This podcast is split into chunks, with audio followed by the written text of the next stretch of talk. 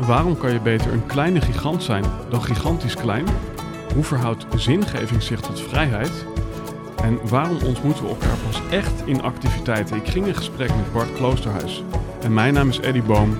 En dit is de Helden en Hordes podcast.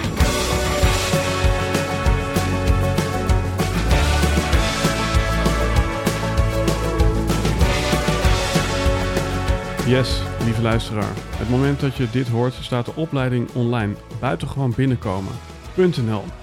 Als je op deze website kijkt, dan zou het zomaar kunnen dat jij een van die daredevils bent die instapt in het early bird product. Wat inhoudt, ik draai een pilot met 10 mensen, waarin ik ook veel Q&A persoonlijke begeleiding geef. En van deze 10 plekken zijn er al 5 weg, dus wil je die deep dive maken, wil je buitengewoon binnenkomen bij je ideale klant, check dan eventjes deze website. Ben je nog iets twijfelachtiger of heb je gewoon nog een vraag? Ga dan naar de show notes van deze aflevering. Daarin zit een link voor iedereen die meer info wil. Krijg je net mailtje van mij en dan vertel ik je even hoe het zit. Wat je leert is ja, een prominente positie te pakken. Je leert converterende copy en de anatomie erachter. En dat geeft jou buitengewoon bestaansrecht. Dat geeft jou een positie waar geen ideale klant meer omheen kan. Nou, ik ben er super trots op. Ook heel veel complimenten gehad op de branding. En ja, ik ben gewoon echt een super blij kind. Het voelt echt alsof het uh, een van de grootste dingen is die ik in mijn leven tot nu toe heb gedaan. Maar ik ben er echt super blij mee en wellicht jij ook. Wie ook iets heel moois heeft gemaakt, waar hij ook super blij mee is, dat is Bart Kloosterhuis. Hij is de drijvende kracht achter Vertel is, een bedrijf dat inspirerende tools maakt voor meer verbinding en positiviteit. Denk hierbij aan vragenkaartspellen, dagboeken en cursussen die mensen helpen om bewuster en sterker in het leven te staan. Bart is gefascineerd door wat mensen gelukkig maakt en hoe je jezelf met de juiste vragen stellen, ja, hoe je daarmee je leven op een positieve manier kan verbeteren. In deze aflevering gaan wij ook open kaart spelen, letterlijk en figuurlijk. Want Bart en ik gaan in de tweede helft van de aflevering ja, elkaar bevragen door middel van zijn toffe kaartspelen spellen. En ja, dat is ook een stukje close and personal. Dus ik deel daar ook wat dingen die ik misschien nog niet eerder heb gedeeld. En voor Bart idem dito. Dus schrijf gezellig aan. Ik wou zeggen, laat je kaarten staan, maar speel open kaart. Doe gewoon in je hoofd mee. En ja, wellicht dat je achteraf dat spelletje ook wil kopen. Uh, ja, dat vind je ook weer in de show note van deze aflevering. Ladies and gentlemen, Bart Kloosterhuis. Alright, Bart Kloosterhuis. Hoi. Wij zijn op een uh, ja, divers aantal momenten elkaars leven gekruist. Ja, en best wel intens. De eerste in ieder geval.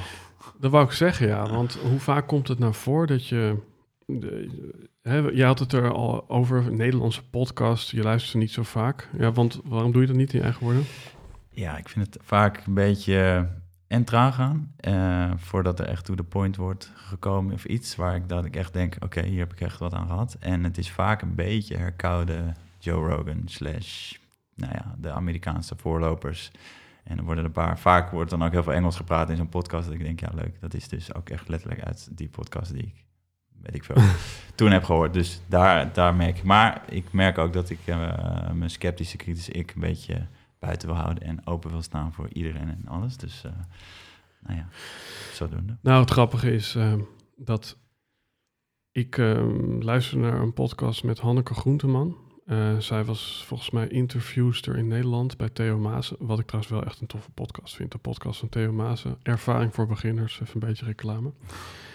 Maar zij zei, ja, je moet als interviewer altijd beginnen met een hele ja, lichte, luchtige vraag. En dan rooi er langzaam in, want dan is er veiligheid, vertrouwen. En, en ik hoor eigenlijk bij jou van, ja, ja, ja, ja. Moeten we daar, die, zonder om, om... Ja, het duurt te lang. Nee, ja, klopt. En, en het grappige is, als je kijkt naar onze ontmoeting, wij ontmoeten elkaar uh, in de baarmoeder. Uh, we, we, hebben niet dezelfde moeder, ja, wel moeder aarde misschien, ja. maar de zweethut wordt een baarmoeder genoemd. Ja, ja, ja. En we ontmoeten elkaar meteen, ja. Naakt. Naakt, naakt. uh, zoals, zoals, we geboren zijn, zegt Duif de Kok. Ja. Um, dat was jouw eerste keer, toch? Die keer. Die, ja, die keer. Van een jaar geleden. ja, want ik ben daarna nog wel een keer bij David terug dat, geweest. Dat zei hij, ja, dat hij dat ook wel tof vond. Want je vond het ook wel spannend. Uiteraard, ik ook. Ik ben nu vijf of zes keer geweest. En iedere keer denk ik weer... Uh, uh. Ja. Maar het is wel altijd wel heel, ja, heel fijn. Ja. En toen kwamen we elkaar uh, op een zomerse dag tegen hierachter bij een meertje. Klopt, Oosterplas.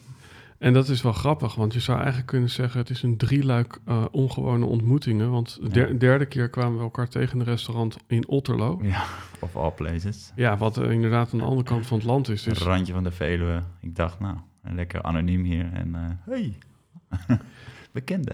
Nou ja, dus we hebben blijkbaar met, iets met elkaar van, van dien en van doen. We moeten iets. We moeten iets. En zo zitten we hier nu aan tafel. Ja. Um, we gaan het vandaag hebben over uh, ja, onder andere vertel eens. Ja, een leuke sidestep naar wat je net zei van de groenteman mevrouw. Ja. Um, dat is ook wel een beetje wat in, in de vertellersproducten zit. Van, ja, bepaalde luchtigheid of inkomen in moeilijke vragen gaan stellen en dan steeds wat dieper gaan is wel een, uh, ja, een, een coachmethode om, om die diepte te bereiken. Dus uh, vind ik wel leuk om, ja, dus, leuk dus, om te horen. Dus um, wat er in jouw kaartspel zit, dat is uh, wat jij zelf af en toe lastig vindt aan Nederlandse podcast. Ja, exact. um, dat noemen we dan een lek bij de loodgieter. Nee, ik ben een beetje flauw. Um, we gaan het dus onder andere hebben over vertel eens. En dan denk jij, vertel eens. Nou, ik denk dat jij wel iets gaat vertellen uh, wat dat precies inhoudt, maar daar zijn we nu nog niet. Dus nee. ik denk dat het mooi is om later in deze aflevering daarop in te gaan en ook samen dat spelletje te gaan spelen. Let's go dat spelletje, dat, uh, heb je enig idee hoeveel exemplaren van jouw spelletjes er inmiddels verkocht zijn? Ja, ik, uh, al de allereerste crowdfunding hebben er 25.000 verkocht. Dat was, uh, en toen eigenlijk, ja, ik denk wel richting de miljoen sowieso wel. En dat is dan, heb je het echt over de feestdagen editie. En dan hebben we het ook over internationaal. Um, ja, ik denk wel iets meer dan een miljoen. Ja.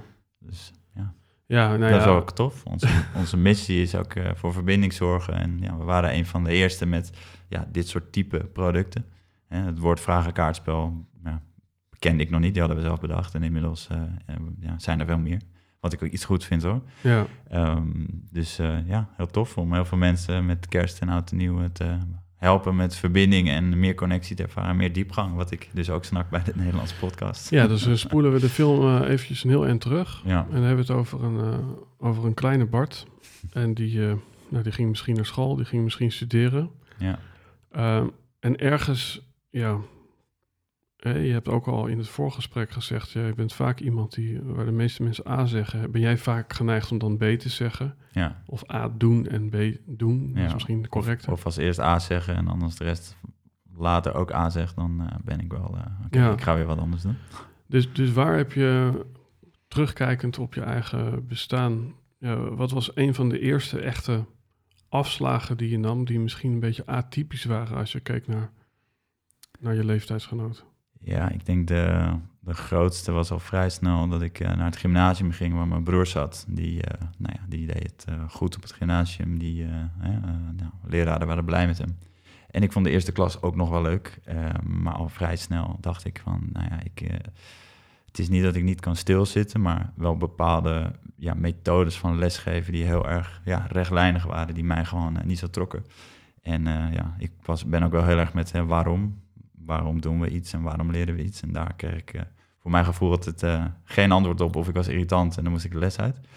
Dus uh, dat is een beetje mijn schoolcarrière al vrij vroeg. En toen ja, ook al vrij vroeg besloten van ja, ik, ik, ik ga niet, ik ben niet iemand gemaakt hiervoor.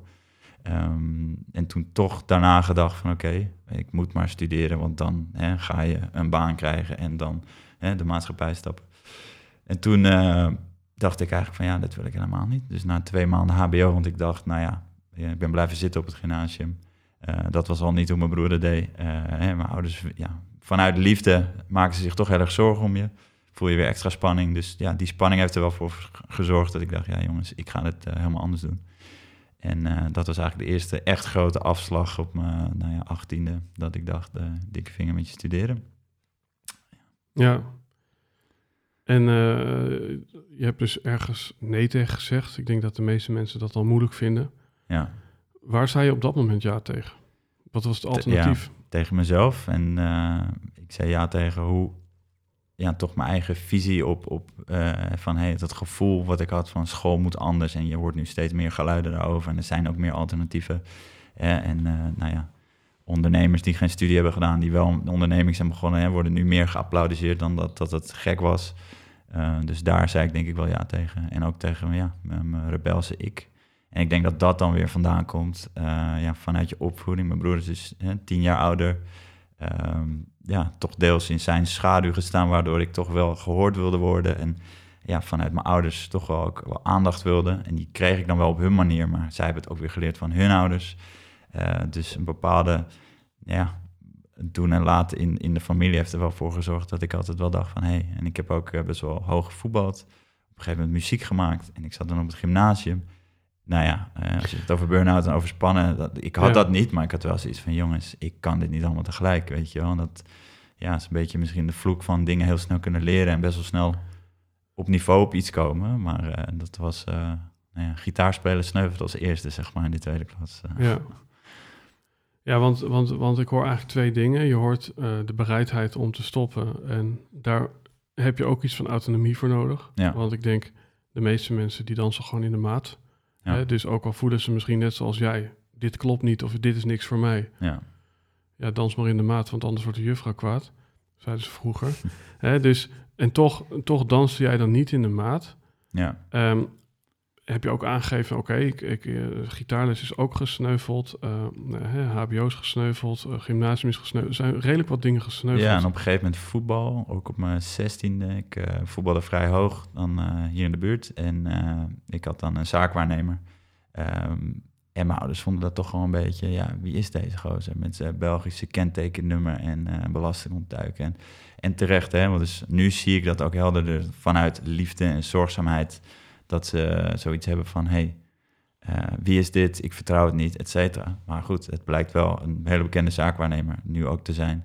En ja, uh, ik, uh, het is wel, waar had het me gebracht als, als ik wel, nou ja, een andere manier van liefde en support van hun had gehad. Van, hey, doe maar, we staan achter je, neem die stap maar. En dat is eigenlijk, toen was ik nog 16 en toen zat ik net op een punt dat ik dus ja, toch wel heel moeilijk vond om, om ja, mijn eigen ik naar mijn stemmetje te luisteren. Maar dat was wel ik denk wel een van de eerste dat ik dacht, hey, dit uh, een jaar later, hè, en dat stukje zelfreflectie wat ik altijd wel heb gehad door juist niet op school te moeten leren, maar zelf, ja, toch door niet hè, heel veel lessen gemist en dat soort dingen. Uh, ja, zelf leren kunnen leren, in plaats van dat je echt ja, dingen gaat stampen. Dat, dat uh, stukje heeft mij wel geholpen, zeg maar. En dan op mijn zestiende dat kunnen, kunnen ervaren. Um, heeft mij tot mijn achttiende dus besluiten van oké. dus ik ben eigenlijk vanaf mijn nou, 14e, 15e, 16e ieder jaar wel weer getest. Uh, door meer voor mezelf te gaan kiezen. En ik merkte dat als ik dat deed, dat er daarna ja, heel veel vrijheid en, en, en ja, meer, meer in een flow raakte met de dingen die ik wilde doen. Dus uh, Want er zat ook nog, sorry, er zat ook nog een stukje, moet ik niet aan denken, uh, gamen tussen. En dat vonden mijn ouders ook wel raar. Terwijl nou, ik gamede ook echt uh, op een hoog niveau met een spel dat nu wereldwijd bekend is, League of Legends. Mm Ik weet niet, uh, voor de mensen die gamen.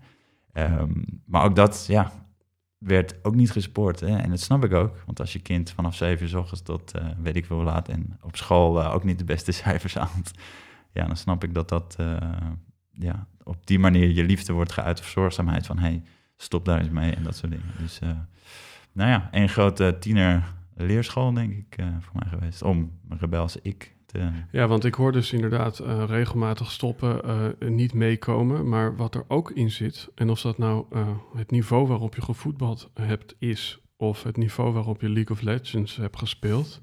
Hè? en dan heb ik er misschien nog een paar overgeslagen, maar...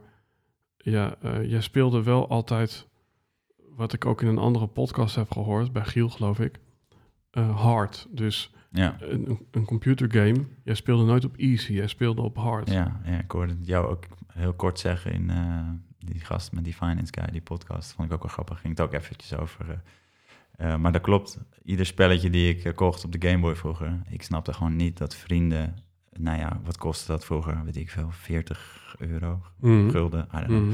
Mhm. Um, dat ze dan op easy gingen om het maar snel uit te spelen. Terwijl ik ja, ja. dat speel je toch op very hard. Dat is toch de beste ervaring, wordt het meest getest.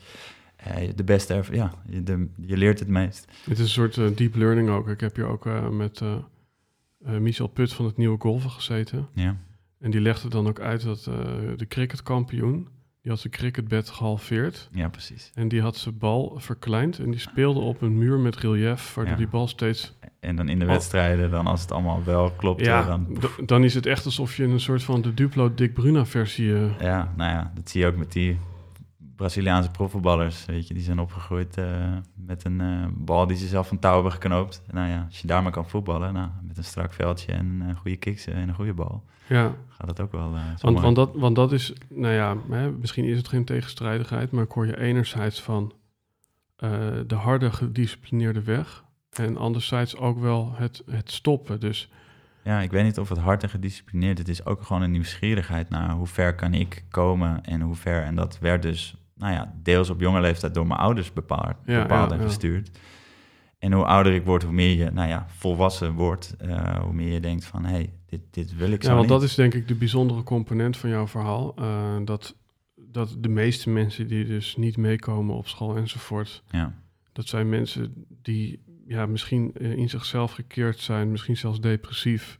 Ja. Uh, maar bij jou was het motief wel anders. Het was eigenlijk nieuwsgierigheid. Ja, dat denk ik wel. Ja. En dat is wel een thema die, nou ja, ook nu wat ik nu doe met, met vertellen is met ja. en nieuwe mensen leren kennen. Ik, uh, ja, ik heb hele goede vrienden de afgelopen jaren gemaakt. En dat komt wel echt door die ja, openheid, nieuwsgierigheid naar, nou ja, weet je, van hoe kunnen wij weer van, hoe kan ik weer van jou leren en zien van, hey vet. Um, ja, want, want dat, is wel een thema wat ik altijd wel... Uh, ja. Dat is ook zeg maar wat, wat me bij Giel dan opviel, ook uh, bij Giel Belen dus. Ja. En hij, de, je hebt daar ook een, in corona geloof ik een soort live Zoom gedaan. Dat... Ja, dat was niet in corona, maar Oké. Okay. was wel, uh, ja. Was wel... Ja, na corona was volgens mij, maar dat, dat hield in dat ook andere mensen mee mochten doen met een soort live podcast via Zoom. Ja, dat is. En ja, dan konden mensen dus het spelletje vertellen met jou en Giel spelen. Maar Ja. wat mij dus opviel, en dat vind ik dus eigenlijk best wel iets interessants van... Jij bent dan, je zou kunnen zeggen, de, de founder. Hè? Je, je bent ook misschien een soort gedachtegoedleider op uh, vragenkaartspellen. Uh, maar Ja. jij, jij was eigenlijk niet veel aan het woord in, in die hele show. Uh, ja, wie waren er aan het woord? De mensen. En, en, en daarnaast Giel eigenlijk vooral. Ja, En, en dat is best wel iets paradoxaals, vind ik, als ik kijk naar de gemiddelde, ik noem het maar gedachtegoedleider. Ja, die deelt zijn gedachtegoed. ja, ja, ja precies. Ja. Is, is jouw uh, neiging om te luisteren uh, meer ontwikkeld dan om te spreken? Nou, inmiddels wel, uh, denk ik. En uh, ja, ik, ik, ik ben ook zelf niet zo van het prediken of het weten. Ja, ik weet dat ik, nou, dat is ook zo'n cliché quote toch? Ik weet niet hoe, precies hoe die gaat, maar hè, hoe meer je weet, hoe minder je weet of zo. Of, ja, of the iets. more you know, the more you know you don't know anything. Ja, nou, ik, ja, de, de less you know. Dus uh, ja, ik voel dat wel steeds meer. Dat ik echt denk, wow. Uh, en juist door mijn hele traject met, nou ja, vertel eens vanaf uh, 2016 begonnen, maar ook daarvoor. Ik heb een jaar in uh, Kopenhagen gewoond in Denemarken, want zij waren de gelukkigste van de wereld. Dus ik wilde er alles aan doen om daar in Denemarken even te gaan wonen. Eigenlijk zo logisch als wat. Ja, ik was gewoon ja, weer die nieuwsgierigheid Ja, ja, van, wat de fuck doen hun, weet je wel? Wat, wat doen zij, waar, waar, ja, hoe leven zij? Dus nou, ja, ik heb de massa gehad en ook echt, nou ja, we- dus eigenlijk gewoon één grote leerschool eigenlijk vanaf, eh, ja, vanaf dat ik stopte met studeren. Want dat motiveerde me wel heel erg om, oké, ik, doe, ik kies niet dit pad, maar ik wil niet het pad in van ongeluk of eh, depressie. Of, hè, ik, eh, ik, wil er, ik wil wel het maximale uit mijn, eh, mijn leven halen. Ja, En daar, ja, daar dacht ik onder andere dus ook, hè, ik, ik wil juist heel veel aan leren, over boeken gelezen. En dus ook in, in Kopenhagen gaan wonen. Dus dat is wel, wel tof. je weet inmiddels dat hoe meer je weet, Ja. hoe minder je weet. Ja. En, en toch is er nog steeds iets wat je wil weten. Want waar komt die nieuwsgierigheid dan vandaan? Ja, en jij zei hiervoor volgens mij zo'n quote toch? Wat is het nou van, eh, eh, de wereld verandert niet, maar wat was het nou? Ja, er wordt over het heden gezegd dat we niet in een veranderend tijdperk leven, maar in een tijdperk van verandering. Ja, en, en zo zie ik het ook, weet je. Je kan wel dingen leren, maar ja, het verandert allemaal zo snel dat wat je toen wist, ja, geldt dat nu nog. En eh, ja, ik ben er ook wel achter dat ik wel iemand wil blijven en zijn die zichzelf soort van vernieuwt. En oude ja, gedachten, ja, dingen waar ik toen over dacht, van nou, dit is het, blijkt het toch uiteindelijk toch niet helemaal te zijn. Hè? Van bijvoorbeeld heel erg staccato ochtendroutines en heel erg het beste uit mezelf willen halen. Ja, ben ik daar nu ook in geshift. En dat is een voorbeeld, maar ook met voeding. En ik heb bijna alle voedingsdingen geprobeerd en trouw gevolgd. En nu ben ik er ook wel achter, ja, dat is het allemaal niet. Het is echt, ja, Nou ja, als je dan over, over voeding hebt, hè, dan kom ik op het woordje honger. Van, ik, ik ben toch gefascineerd waar die honger bij jou dan eh, vandaan komt. Als je eigenlijk geconcludeerd hebt van één, hoe meer je weet, hoe, hoe moeilijker het is om conclusies te trekken. Twee, de tijd verandert ook nog. Dus als je dan een conclusie trekt, dan zou het over een jaar herzien moeten worden. Ja. Dus, dus, dus, dus wat maakt dan dat... Wat is het nut? Wat, ja, ja je, ben, je bent eigenlijk op zoek naar iets waarvan je eigenlijk van tevoren al weet... Nee, ik voel me niet echt zoekend. Het is meer gewoon echt eh, ongoing. En ik denk, ja, voor mij is eh, wat is een goed leven, is dan misschien een vraag die ik mezelf ook wel eens stel van hoe. En de classic vraag, eh, volgens mij van Steve McCovey, van als je dood bent en je hebt je Mhm. begrafenis en je kijkt terug. Ja, dat is wel een beetje hoe ik mijn leven wil leiden. Eh, dat ik dan terugkijk, dat ik denk, nou, je hebt er wel echt... Je bleef nieuwsgierig, je hebt er alles aan gedaan, je hebt ervaring op gedaan, je hebt veel gereisd, veel geleerd, veel mensen ontmoet, onderneming begonnen en gestopt. En dat, dat, dus dat is denk ik ongoing. Dus mijn, mijn, ja, mijn honger zit hem vooral dat ik de tail end, het eindstukje denk van, eh, ja, dan wil ik wel denken van, ja, gozer, dat eh, leuk. Je hebt wel veel meegemaakt, veel gedaan, nieuwsgierig en niet in een soort, nou ja, bijna als een, eh, ja, ik weet niet, een, een schaap door het leven altijd hetzelfde doen. Dat, eh, Mhm. Ik denk dat dat mijn honger vooral is, of mijn angst misschien voor, voor het, eh, het normale leven. Dus eh, ja, dat heb ik nog. Ja, en daar zit ook een bepaalde ironie in, of een, ook weer een tegenstrijdigheid, als een beter woord. Ja, Want je hebt een angst voor het alledaagse, hoor ik je zeggen. ja, En tegelijkertijd, ja, kan het ook heel alledaags zijn om een kaartspelletje met elkaar te spelen. ja, En te vragen van, eh, eh, wat zou jij doen met 10 miljoen? ja. Ik weet niet of die, die vraag erop staat. Nee.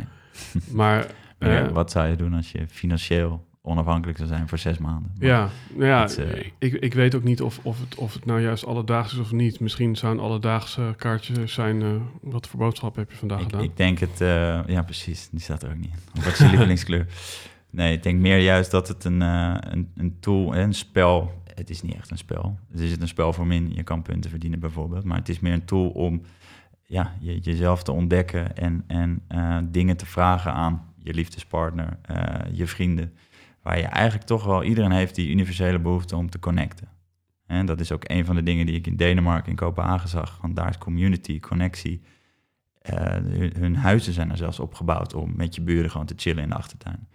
Ehm, dus dat, die behoefte, ja, die is er voor iedereen. Dus als je dat via een spelletje, wat toch een beetje spannend is om jezelf bloot te geven en een moeilijk of een diepgaand gesprek te hebben of een vraag te stellen waarvan je denkt, oeh, ik hoop niet dat eh Eddie ja, je boos van gaat worden of zo. ja. En dat zijn toch wel juist door dat, nou ja, weer dat very hard aan te gaan. Ehm, ja, daar zitten gewoon de grootste inzichten, lessen, geluksmomenten, eh, mooiste relaties. Ja, dat. Dus dat is denk ik eh, waarom het een spel heet, maar dat is het niet. Het is eigenlijk gewoon een coach in een doosje. Ja, nou ja, dat, dat, ik zat al te denken, eh, een, een spel, ja, kijk, daar zit ook het woord spelen in. En spelen is net zoals een dans, is ook niet per se gekoppeld aan een resultaat. Maar bij spellen denken wij natuurlijk vaak, wie heeft er gewonnen? Ja. Dat, eh, dat kan hier niet. Dat kan wel, maar het boeit niet. Dat, eh, Ja? Je kan punten verdienen en dan heb jij de meeste punten verdiend. En Ah, dan, in de relatie-editie kan je met elkaar afspreken, als je het met je vriendin doet, ehm, dat de winnaar eh, de ander moet meenemen of andersom naar iets, een trip naar keuze. Of, zo. Oké, ja, of ja. een massage of een kleinigheidje. Als we dan even zeven jaar terug gaan, geloof ik. Ja, ja of met vertellers bedoel je? Ja. ja, ja. Is dat zeven jaar geleden? Dat ja meer dan zeven jaar alweer. Ja, vliegt. Ja. 2015 bedacht, op hand geschreven kaartjes, omdat ik op wereldreis ging. En eh, ja, toch wel erg de behoefte voelde bij mijn ouders op mijn 25ste. Want ik had wel op zo'n vanaf je 20ste had ik wel dat ik dacht, hé, hey, ik begrijp mijn ouders wel meer. Dat had ik daarvoor niet. En dat had ik dan steeds meer van, oké, waarom snakte ik naar, nou ja, waarom wilde ik het altijd heel goed doen? Hè? Ik deed mijn studie dan niet, maar waarom wilde ik dan toch de beste zijn met wat Ja, ik wel ja, deed? ja, ja. Eh, ja, is toch dat stukje aandacht van je ouders. En mijn vader kwam dan uit een gezin met tien kinderen. Ja, toen ik besefte hoe die opvoeding moest zijn geweest, snapte ik ook veel meer hoe onze interactie was. Waardoor onze interactie dan ook weer beter werd. Ehm, nou ja, dat ging dan stap voor stap totdat ik echt die behoefte voelde. Oké, ik ga nu een kaartspel op handgeschreven kaartjes iets maken. Ik ga op wereldreis wat ze niet snapten. Want daarvoor werkte ik, in- had ik een goede baan in het buitenland, Kopenhagen. Ik kon daarin doorgaan, maar dat wilde ik gewoon niet. Ik wilde weer, nou ja, very hard vernieuwen. En eh, nou ja, toen op handgeschreven kaartjes, dus tijdens kerst zijn we toch samen dat de eerste versie gespeeld met helemaal niet de intentie om hier een bedrijf van te maken of een product van te maken. Ja, want eh, hoe, hoe beviel dat? Want de eerste pannenkoek mislukt altijd. Ja, nee, deze was eigenlijk wel goed gelukt, ja. Ja. Ja, en eh, de grap is, misschien net als in die livestream met Giel, ik was volgens mij het minst aan het woord. Ehm, en dat was juist heel mooi. Het ging ook heel erg mijn broer en mijn moeder connecten. En nou ja, er was gewoon heel veel liefde, aandacht. Hoe, hoe denk je dat dat komt? Dat wij, uh, hè, we hadden het ook in het voorgesprek over, ja, je kunt elkaar maar beter ontmoeten in activiteiten. Ja. Hoe denk je dat het komt dat wij een kaartspel nodig hebben? Hè? no nodig is een groot woord, denk ik. Maar, ja, maar, maar ik heb namelijk zin om dit spel nu te doen. Hè? Terwijl we zitten hier feitelijk al in een soort uh, gesprek. Ja. En, en toch is er die context van een kaartspel Ja. nodig. ja, waarom heb je coaches? Waarom heb je mediators in een... Hè? En, en, en het is fijn om een soort derde te hebben die je, nou ja, laat nadenken samen over iets. Mhm. En het voelt als een soort neutraal. Hè? Als ik jou vraag, dan kan dat persoonlijk worden van... hey Eddie, puntje, puntje. En daarom werkt zo'n ja, zo'n eh, kaartspel werkt Ja, gewoon. dus dat, je- de magie van... Ja, Oh shit, dit, oh, dat ik dit nu trek. maar je kan, je kan je letterlijk verschuilen achter een kaartje. Maar dat klinkt dan heel negatief. Maar, Ja, ja, maar is, is, ik, ik kan me wel voorstellen dat, dat het inderdaad... Als ik een vraag stel, dan, dan kan het inderdaad persoonlijk opgevat worden. Terwijl als ik zeg, ja, het staat hier gewoon op het kaartje... dan, dan, ja. dan hoef ik in ieder geval die verantwoordelijkheid niet te dragen. Nee, maar ja, als die vragen goed zijn en de snaar raken... dan Ja. gaat het niet meer om het kaartje. Dat Hoe kaartje je is, op het idee dat het eh, in een kaartspel... Mm, Maar van mijn achtergrond eh, met, met... Ik heb dus niet gestudeerd, maar psychologie... Als ik was gaan studeren psychologie... weer die nieuwsgierigheid in, ja, in mensen en hoe we werken. Eh, plus, het scheen ook heel veel vrouwen altijd psychologie te studeren. Dus nou ja, dat leek me dan ook wel wat. Ehm, maar nee, die eh, eh, psychologie gecombineerd met waar ik toen werkte als eh ja, salescoach noemden ze dat. Dus ik, ik had een leidende vestiging waarin ik jongeren moest trainen eigenlijk... om aan te bellen en goede doelen te verkopen. En dat stuk, daar ging het niet eens echt om. Het ging echt om motivatie, mindset, het beste uit jezelf halen. En dat hele ja, oppeppen van mensen op een dag waarin je nou ja, weer en wind buiten staat en iedereen je irritant vindt en nee eh, tegen, je, tegen je suffert krijgt. Eh, ja, dat vond ik eigenlijk wel heel tof. En dat is ook weer terug naar mijn voetbalperiode en, en een hele goede ja, mentor, een voetbaltrainer van mij, waarin ik ook wel die coaching, die discipline, dat hè, als iemand je van de zijlijn echt aanmoedigt, dan kan je gewoon meer uit jezelf halen. En dat, eh, ja, wat, wat je daarmee moet. Dat, en, en, dat- dan toch, en dan toch, heel praktisch, hè, heb je misschien ergens een kaartspel gehad... wat misschien niet eens hier inhoudelijk mee te maken had... maar waardoor je wel dacht van... ik ga dit op kartonnetjes eh, zetten, deze vragen. Ja, nou, dat is meer met de kennis vanuit eh, coaching. Dat, hè, eh, ja, en, en ook nou ja, spirituele, spirituele sessies. Hè, set en setting is gewoon belangrijk. En, en een spel waarin je dus bijvoorbeeld begint met een luchtige vraag. Hè, je hebt een beetje lol en dat bouw je steeds dieper op naar nou ja, diepere vragen. Dat, dat is een manier om gewoon heel veel diepgang te bereiken in een redelijk korte tijd. Ja, dus dus ja. Die, ja, die kennis over psychologie, over coaching, dat vond ik gewoon vet om dat met mijn ouders dan te doen. Want ik wist, ja, dit is moeder publiek. Mijn moeder, ja, die, die gaat dit sowieso als ik dit aangeef. En nu nog steeds als ik eh, een van de spelletjes laatst nog op tafel gooi, dan is het, oh nee, dat gaan we toch niet weer doen, Bart. Ehm, en dan na de hand zegt ze, het was echt een hele leuke avond, dankjewel. Dus Ja, eh, ja. dat is mooi. Dus ja, die, die, het werkt gewoon om die weerstand eh, of die barrières te doorbreken. Dat, Ja. ja. ja, dat en ook voor je relatie, weet je, ja. Ga je Netflixen of ga je een spelletje spelen? Ja, en je speelt niet een, het is geen eh klaar voor jassen, maar ja, echt connecten met elkaar. Ja, Dus ja. Beantwoord ik zo je vraag? absoluut. Volgens mij heb je nu 13 spelletjes. Ja, nou, producten, spellen niet allemaal. Ja. We hebben ook, eh, je hebt hem ook bij een, eh, ons dagboek. Dat is persoonlijk een van mijn eh favorieten. Doen we ook al eh, jaren inmiddels. En jaren, ja, heel veel toffe... Ik ga het niet erg cellen in deze podcast, maar ik vind het gewoon echt, echt oprecht leuk. Want journal is een van mijn eh, ja, langstaande persoonlijke gewoontes... die ik eh, nog in stand heb gehad van hè, alles geprobeerd naar... dit doe ik nog steeds. Hoe, verhouden deze twee producten zich tot elkaar? Wat, wat, wat, Zelfreflectie, bewustzijn. Ik denk dat het allemaal manieren zijn om bewuster te worden van jezelf. En ja, de, je relatie tot je vrienden, je familie, maar ook de relatie tot ja, je planeet, tot misschien een hogere gedachte. Ehm, dat, dat is wat hier werkt. Zelfreflectie is gewoon, vind ik, een van de beste tools om eh, ja, je bewustzijn te creëren. Ja, Ja, je hebt een dag en je kijkt, je doet je dag en je bent in een soort waan van de dag en, en, en bezig. En dan aan het einde van de dag, als je even een check-in momentje plant, of hebt, pakt eh, met een boek of zonder. Weet je, de een gaat bidden aan het einde van de dag met hè, Ja, waar, ja. waar ben ik dankbaar voor. Dus, dus al die principes zijn al best wel eh, de tand des tijds doorstaan. Maar als je dat via een journal doet met, hey, wat ging er goed vandaag? Ja. Wat kan er eigenlijk beter? Je, oh ja, fuck, ik had dit Want met- he- heeft het hardcopy eh gehalte? Want ik heb hier nu, nu een boek onder mijn hand. Ja. Ik, ik zie daar kartonnen doosjes liggen met kaartjes. Mhm. Ehm, heeft dat ook nog een motief?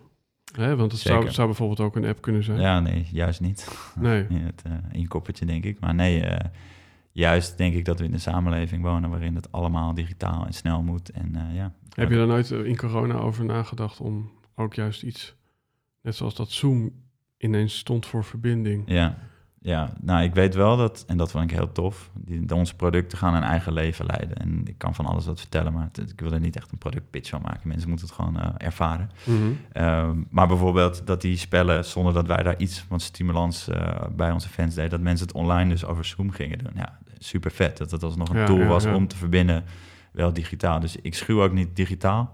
Um, maar onze missie, onze allereerste missie was het time offline stimuleren. Dichter bij jezelf, dichter bij elkaar en, en tijd offline stimuleren. En uh, die hebben we er nu wel, die propageren we niet heel erg, omdat ja, ik, het is een beetje tegenstrijdig, want we zitten ook heel veel te adverteren op uh, social media. En ja, ik, ik zie je telefoon en, en dergelijke wel ook als een, ja, een, een, een chat GPT, noem maar op, als hele mooie tools. Um, maar ik denk die, ja, dat, tijd, dat momentje offline pakken wordt steeds belangrijker en aandacht zonder afleiding. En ik denk dat een boek is gewoon, ja, hoe, hoe, lang uh, lezen en schrijven we al veel langer dan dat we op onze telefoon zitten. Het heeft ook iets rustgevends. Ja, kijk, hier schrijf je, daar vertel je. Het Ja. product hier heet Vertel eens. Heet dit dan uh, Beschrijf eens?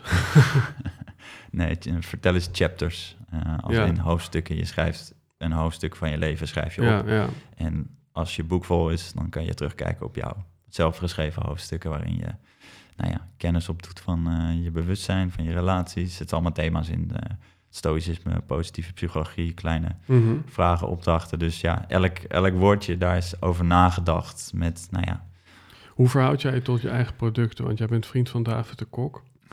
Ja. En David de Kok heeft best wel ook wel de reis gemaakt, als ik dat zeggen mag, van alles is maakbaar en het gaat om geluk, naar het is niet allemaal maakbaar en het gaat om, om bewustzijn. Ja. En dan sla ik hem even helemaal plat. mhm. Maar dat is wel een soort van, ja, van een soort he- hele soort van duale inslag naar een non-dualistische inslag. Ja. En, en van een, ja, meer, eh, ja, zijn en, en, en bewustzijn eh, waar die nu zit. Mhm. En daarvoor was het, eh, maak het naar, naar, Ja. naar, wat je wil. Hoe, hoe, is dat in je eigen ontwikkeling? Ik kan me heel goed voorstellen dat je zeven jaar geleden Mhm. misschien ook ja, veel meer vanuit een soort maakbaarheidsconcept eh, je product ontwikkelde. En dat het nu misschien in jou veel meer over een soort bewustzijn slaat. Ja, nou, waar ik zelf gewoon niet... eh, ik word, wat we eerder ook hebben gezegd, van als, als iedereen iets eh, doet of propageert, dan, dan raak ik daar altijd een beetje van, ja, klopt niet. Er is gewoon niet één, zoals ik het zie, hè, tot nu toe op mijn 33ste, er is, er is niet één soort waarheid. Het is altijd een mix. Dus dat David die shift heeft gemaakt is mooi, maar ik denk alsnog, hoe jij dat nu heel zwart-wit schetst, is dat laatste is ook niet per se 100% waar. Eh, ja, dat klinkt misschien een beetje ja, ik weet niet hoe dat klinkt, maar eh, er is een mix. Ik denk wel dat er heel veel, ja, als je een open houding eh, positief bent, dat er veel meer dingen op je pad kunnen komen. Dus dat, ja, en dat kan je wel trainen en maken. Je kan positiever hè, door dankbaarheid. Dit zit ook een vraag van waar ben je dankbaar voor vandaag? Door dat geregeld te doen, word je, ga je in ieder geval, ja, je, je vizier, je, je blik naar de wereld wordt ja, dankbaar. ja, ja, ja. Dus dat is maakbaar. Tenminste, trainbaar, laat ik het zo zeggen. Ja. En je hebt een programmering vanuit, nou ja, we hebben het net even gehad bij mijn opvoeding, een bepaalde programmering meegekregen vanuit hè, een broer eh, waar ik ben opgegroeid in Amuiden. Ja, dat, dat, dat ben ik. En dan is het aan jou om dat, nou ja, soort van af te leren, zodat je dan weer kan zien met, wow, eh, hoe is het leven op die manier, in plaats van dat je in, in dat programma blijft. Dus dat is ook maakbaar. Ja, want, want hè, ik, eh, dan gaan we nu even een soort van Ja. een stukje kijken naar de business. Want daar hadden we net ook over, en ik vind dat wel interessant, over een paar keuzes die je daarin hebt gemaakt. Maar als we het dan hebben over, eh, ja, jij bent in ontwikkeling, Ja, maar je producten die zijn eigenlijk, ja, soort van ge- geconsolideerd in de materie. ja, dat is wel mooi. En ehm, heb je nou het idee dat als jij die kaartspellen zelf in handen hebt, dat je denkt, maar ik ga een, eh, ja, ik ga er andere vragen opzetten, want ik ben nu zelf veranderd. Zeker. We hebben dat. eh, de grap is, of nou grap. ehm, alles wat hier ligt, die hebben ja, kleine tweaks ge- gehad, denk ik. Maar ja, 90 Natuurlijk, iedere druk, herdruk heb je weer een kans om wat verbeteringen door te voeren. Ja, Dus, dus daarin, eh, net als een boek die eh 100, keer- 100 miljoen keer verkocht is, op een gegeven moment staan er, staat er misschien net weer wat nieuws in. Dus dat hebben wij ook. Maar ze zijn allemaal wel heel erg tijdloos en op tijdloze principes. Maar we hebben ook een aantal producten gewoon, die verkoop ik nu niet meer. ja. Met- met dit Ja, van, ja, hey. Dat was toen, vinden, staan we nu niet meer voor. Wij zijn ook heel erg in Ja, ontwikkeling. want in- eh, want vanuit business zou je zeggen, never change a winning team. Want ik denk als je tegen Ja. de miljoen zit, Ja, dan hoef je het waarschijnlijk niet te veranderen. Ehm, nee. En deze is dus ook ja, qua concept. We gaan nu dit jaar, eh, wel leuk, we gaan eh, nou ja, een ultieme versie hiervan doen. Dus wel weer in een nieuw jasje, want we merken wel dat eh, nou ja, veel trouwe fans dat ook leuk vinden. En ik vind dat zelf ook tof. Dus ook weer nieuwe dingen die, die, ja, die ik along the way heb ik opgepikt. ben benieuwd naar de vormgeving. Dat, dat, eh, ja, oké. Ik, ik heb meteen een soort van plaatje in mijn hoofd hoe het er dan uit moet zien. Maar dat is jouw... eh, ja, dat is ook een beetje... Ik ben altijd bezig met hoe presenteer je Ja, iets. cool. En, eh, nee, want ik maar vind... ja, de, zeg maar mijn eigen reis, dat vind ik ook leuk aan, aan, aan mijn, ja, hè, mijn onderneming. Eén, je leert nieuwe mensen kennen. Dat vind ik ook heel tof. Hè. Wij raken in gesprek. Maar aan de andere kant kan je ook je eigen lessen kan ik in een product vormen. We zijn nu dus hebben een product voor familieopstellingen klaar. Eh, er zijn er een paar op de markt, maar met alle respect eh, kan dat een stuk beter, mooier. Dus ik heb eh, nou, vorig jaar eh, workshops gedaan met Hielke Bonnema. En ja, super tof. En nu mag ik die lessen met hem in een ja, product gieten en hopelijk 100.000, 10.000 mensen blij mee maken. ja, En dat vind ik ook wel heel leuk aan wat wij doen met Vertellers. En we zijn nu ook een nieuw deck bijvoorbeeld aan het maken voor relaties. Ik, ik weet niet, de afgelopen jaren... Ik denk als ik ooit stop met Vertellers, word ik denk ik iets van relatietherapeut of zo. Met misschien eh, medicijnen, plantmedicijnen erbij. Nou ja, anyway. Misschien dat ik dat nog ga doen. Maar eh, een nieuw deck aan het doen met eigenlijk alle boeken die ik de afgelopen tijd heb gelezen. Mijn favoriete boek nu is The Relationship Handbook. Het is het lelijkste boek die je ooit zult zien. Maar het is een van de beste boeken. Gewoon ja dat, dat is bijna kenmerkend voor dit soort dingen. ja, maar dat, hoe tof dat ik dat nu, ik heb nu, nou, we zijn heel ver, eh, mag ik in vragen, in opdracht, in bepaalde visies hebben, nou ja, in dat spel zitten. Het wordt een iets groter deck dan dit, maar dat mag ik dan ook gewoon maken. En dan leer ik zelf van in het proces. Eh, en ik, ja, hoe vet als ik dan van mensen hoor die ik niet ken, een review op de website van, eh, wow. Hoe ga je om met die verantwoordelijkheid? Hè? Want ik kan me ook voorstellen als dus een miljoen mensen spelen, kijk, je preach niks, hè? dus je, je laat mensen gewoon vragen stellen. Ja. Maar de kwaliteit van de vraag eh, ja, insinueert ja, wel wat voor antwoord er ongeveer komt. Dus, Zeker. dus in hoeverre heb je ook wel eens een soort van gewetenskwestie dat je denkt, ja, ik heb toen dit ooit als vraag gesteld, maar nu denk ik daar zelf eigenlijk heel anders over. En nu ga ik een eh, nieuw kaartdeck starten. En by the way, eh, misschien wordt dat dan wel 2 miljoen. Die ver... Ja. Misschien is het helemaal niet, helemaal niet het geval. Maar ik kan me voorstellen, ik heb het hier ook met Marjolein Loderichs over gehad van de I Am Academy. Net zoals deze podcast, je krijgt steeds meer, eh, eh, weet je, de, de, de kleinste eh, ja, ripples die je creëert, die, die worden toch al heel snel een tsunami. Ja, en dat is juist mooi. En ik denk dat dat ook het ja, dilemma of het, de uitdaging is van als je iets creëert en op de wereld brengt, daarna is het gewoon ja, je kindje en daarna is het niet meer van jou. En dan mag iedereen over wat zeggen, eh, online of niet. Weet je, iedereen heeft tegenwoordig een mening. En is het wel eh, LGBTQ-proof en weet, weet je wel, alles wordt eh, onder een vergrootglas gezet. Ehm, maar ja, misschien is dat gewoon ook hoe ik ben of hoe ik opereer, dat het me echt niet boeit. En dat ik juist die rebel wil zijn. Ik weet niet, ik weet ooit dat mijn naam is Bart, maar eigenlijk heet ik Bartolomeus. Want mijn vader dacht last het leuk om zijn naam zo te doen.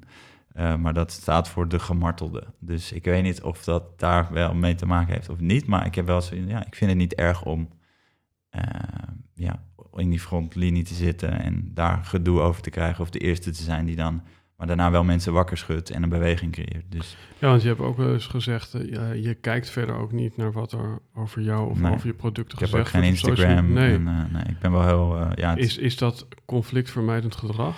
Ja, zo, ik ben juist niet conflictvermijdend. Dat kan je verifiëren bij David en anderen. Ehm, nee, het is ja, deels zelfbescherming, deels gewoon eigen mental health. mentale gezondheid. En ja, deels ook gewoon oprechte, I don't give a shit what others think. Het maakt me echt niet uit. En hoe verhoudt dat zich tot het ontwikkelen van onder andere dit soort producten of, of jezelf? Hè, want ik, ik, ik stel dat ook een beetje namens mezelf. Want, Ja. eh, in het kader van eh, kwetsbaarheid, ik zei het al even in het voorgesprek, maar ik heb naast een aantal virale fragmenten gehad ehm, eh, met, met, met podcast video, zeg maar, heb ik ook ja, vrijwel, ja, zonder dat ik de vinger erop kan leggen hoe het komt, heb ik best wel wat slechte eh, eh, ratings gehad op Spotify. En ehm, ja, iets in mij is dan op zijn minst nieuwsgierig van... stond de gastje niet aan? Eh, spreekt mij niet aan? Maar ik ben dus dan toch geneigd om te kijken wat, wat, die, wa- hoe, ja, Ja. wat ik uit die feedback kan halen om... Mag ik zeggen wat ik denk bij jou? Absoluut. Je liet net ook vallen dat je geen vader hebt gekend, toch? Dat klopt? Of eh, geen vaderfiguur in je leven? Nee, ik heb wel een vader gehad. Eh, dus, Oké, nou, nou laat het zo zeggen, het, heeft wel wat nuance. ja, oké. Ehm, ja, Nou ja, het zou, het zou kunnen zijn dat, dat toch iets in jou heel erg die, die prestatiedrang, die herken ik Ja, bij ja, mij ja, ook wel, weet je wel van. En als dat dan wordt, ja, als je daar dan wordt eh, op gepakt op jou, want je steekt hier, dit is toch jouw, eh, ja, jouw canvas. ja, En ik- dat heb ik ook met dit. Ja, als mensen daar dan eh, iets heel negatiefs van zeggen, dan kan dat je raken. Ehm, en dat, dat snap ik heel goed. Dus Ja, dat, dat zou en- kunnen dat je daarom denkt, fuck, eh, kijken, of hoe zit dat? En, en controle uitoefenen en toch, toch daar iets mee willen. Ja, dat kan gewoon niet. Het gewoon lekker ja, loslaten. Ja, en, en, maar los, en ik denk dat er wel nuances zijn, omdat ik denk het, het loslaten van het persoonlijk nemen, dat zou volgens mij iedereen eh, moeten doen. Ja. Ehm, maar het loslaten van de learning Mhm. of eh, de ontwikkeling of misschien de boodschap of het cadeautje wat erin Ja. verstopt zit, ik denk dat dat niet de bedoeling is. Nee, ik, ik denk eerder dat het dan toelaten is en daarna eh, loslaten wat je niet dient. Ja. Ehm, en dat is zeker, weet je. Ik ben niet iemand die, oké, ik wil geen feedback leveren, weet je. Juist als, eh, ik, ik doe nog steeds klantenservice of deels. Ehm, en we hebben bijvoorbeeld iedere vrijdag sturen we een, een, een vraag naar een groep volgers die zich daar, weet ik veel wanneer, hebben ingeschreven. Die maak ik ook zelf en die beantwoord ik ook zelf. En daar zitten soms ook, eh laatst nog iemand, zegt, nou, ik vind de kwaliteit van de vragen omlaag gaan. Oké, vet. Vertel. Is, hè, wat, ja, nee, maar dan ben Ja. ik nieuwsgierig, Ja, weet ja. je wel. En dus, eh, maar goed, dat is misschien op een kleinere, intiemere schaal. Is dat bij jou ook een proces geweest om eigenlijk steeds Ja, eh, ja, meer te de-identificeren van die mening? Ja, dat heb ik wel echt van toen ik nog voor een baas werkte en een hele fijne manager gehad, eh Sylvester. En eh, ik was altijd, eh, ik wilde de beste zijn, weet je, die, die profvoetballer, die topsporter in mij. En eh, nou, dat ging heel goed in het begin. Ik was ook een van de jongsten die kon doorgroeien. Maar het nekte hem op een gegeven moment ook. En nou, hij was wel degene die mij daar heel veel tijd en aandacht in, in stak om ja, me daarvan te helpen van, hé, hey, het gaat niet om de beste te zijn. Ehm, ja, en dat heb ik dan wel van hem, hem geleerd om daar eigenlijk gewoon ja, niet meer mee bezig te zijn. En gewoon, ja, weet je, dus zo'n... Het gaat om niet om de beste zijn, maar het gaat ook niet om de grootste zijn. En dan sla ik even een brug. Ja, eh, één ding die ik nog wil zeggen, het is zo'n quote, eh, volgens mij van Lao Tzu, eh, van eh, do the work and drop it. En dat zeg ik eigenlijk iedere dag, of nou niet iedere dag, probeer ik af en toe aan het einde van de dag te zeggen, je hebt gewoon je best gedaan vandaag, drop it en wat, hè, al het andere boeit gewoon niet. En Nee. dan, nou, dan heb je weer aandacht voor wat je dan gaat doen. Ben ik met mijn dochter of mijn vriendin of ik ga sporten, weet je, dan, dan is dat. En niet dat je daar nog in, ja, in verzwelgt en dan wordt het één grote, ja, mentale eh, circus in je hoofd, dat je de hele tijd ermee bezig bent. Dus Ja, dat is een soort ja. cue voor mij om te zeggen, oké, Ja, mooi. morgen weer een dag.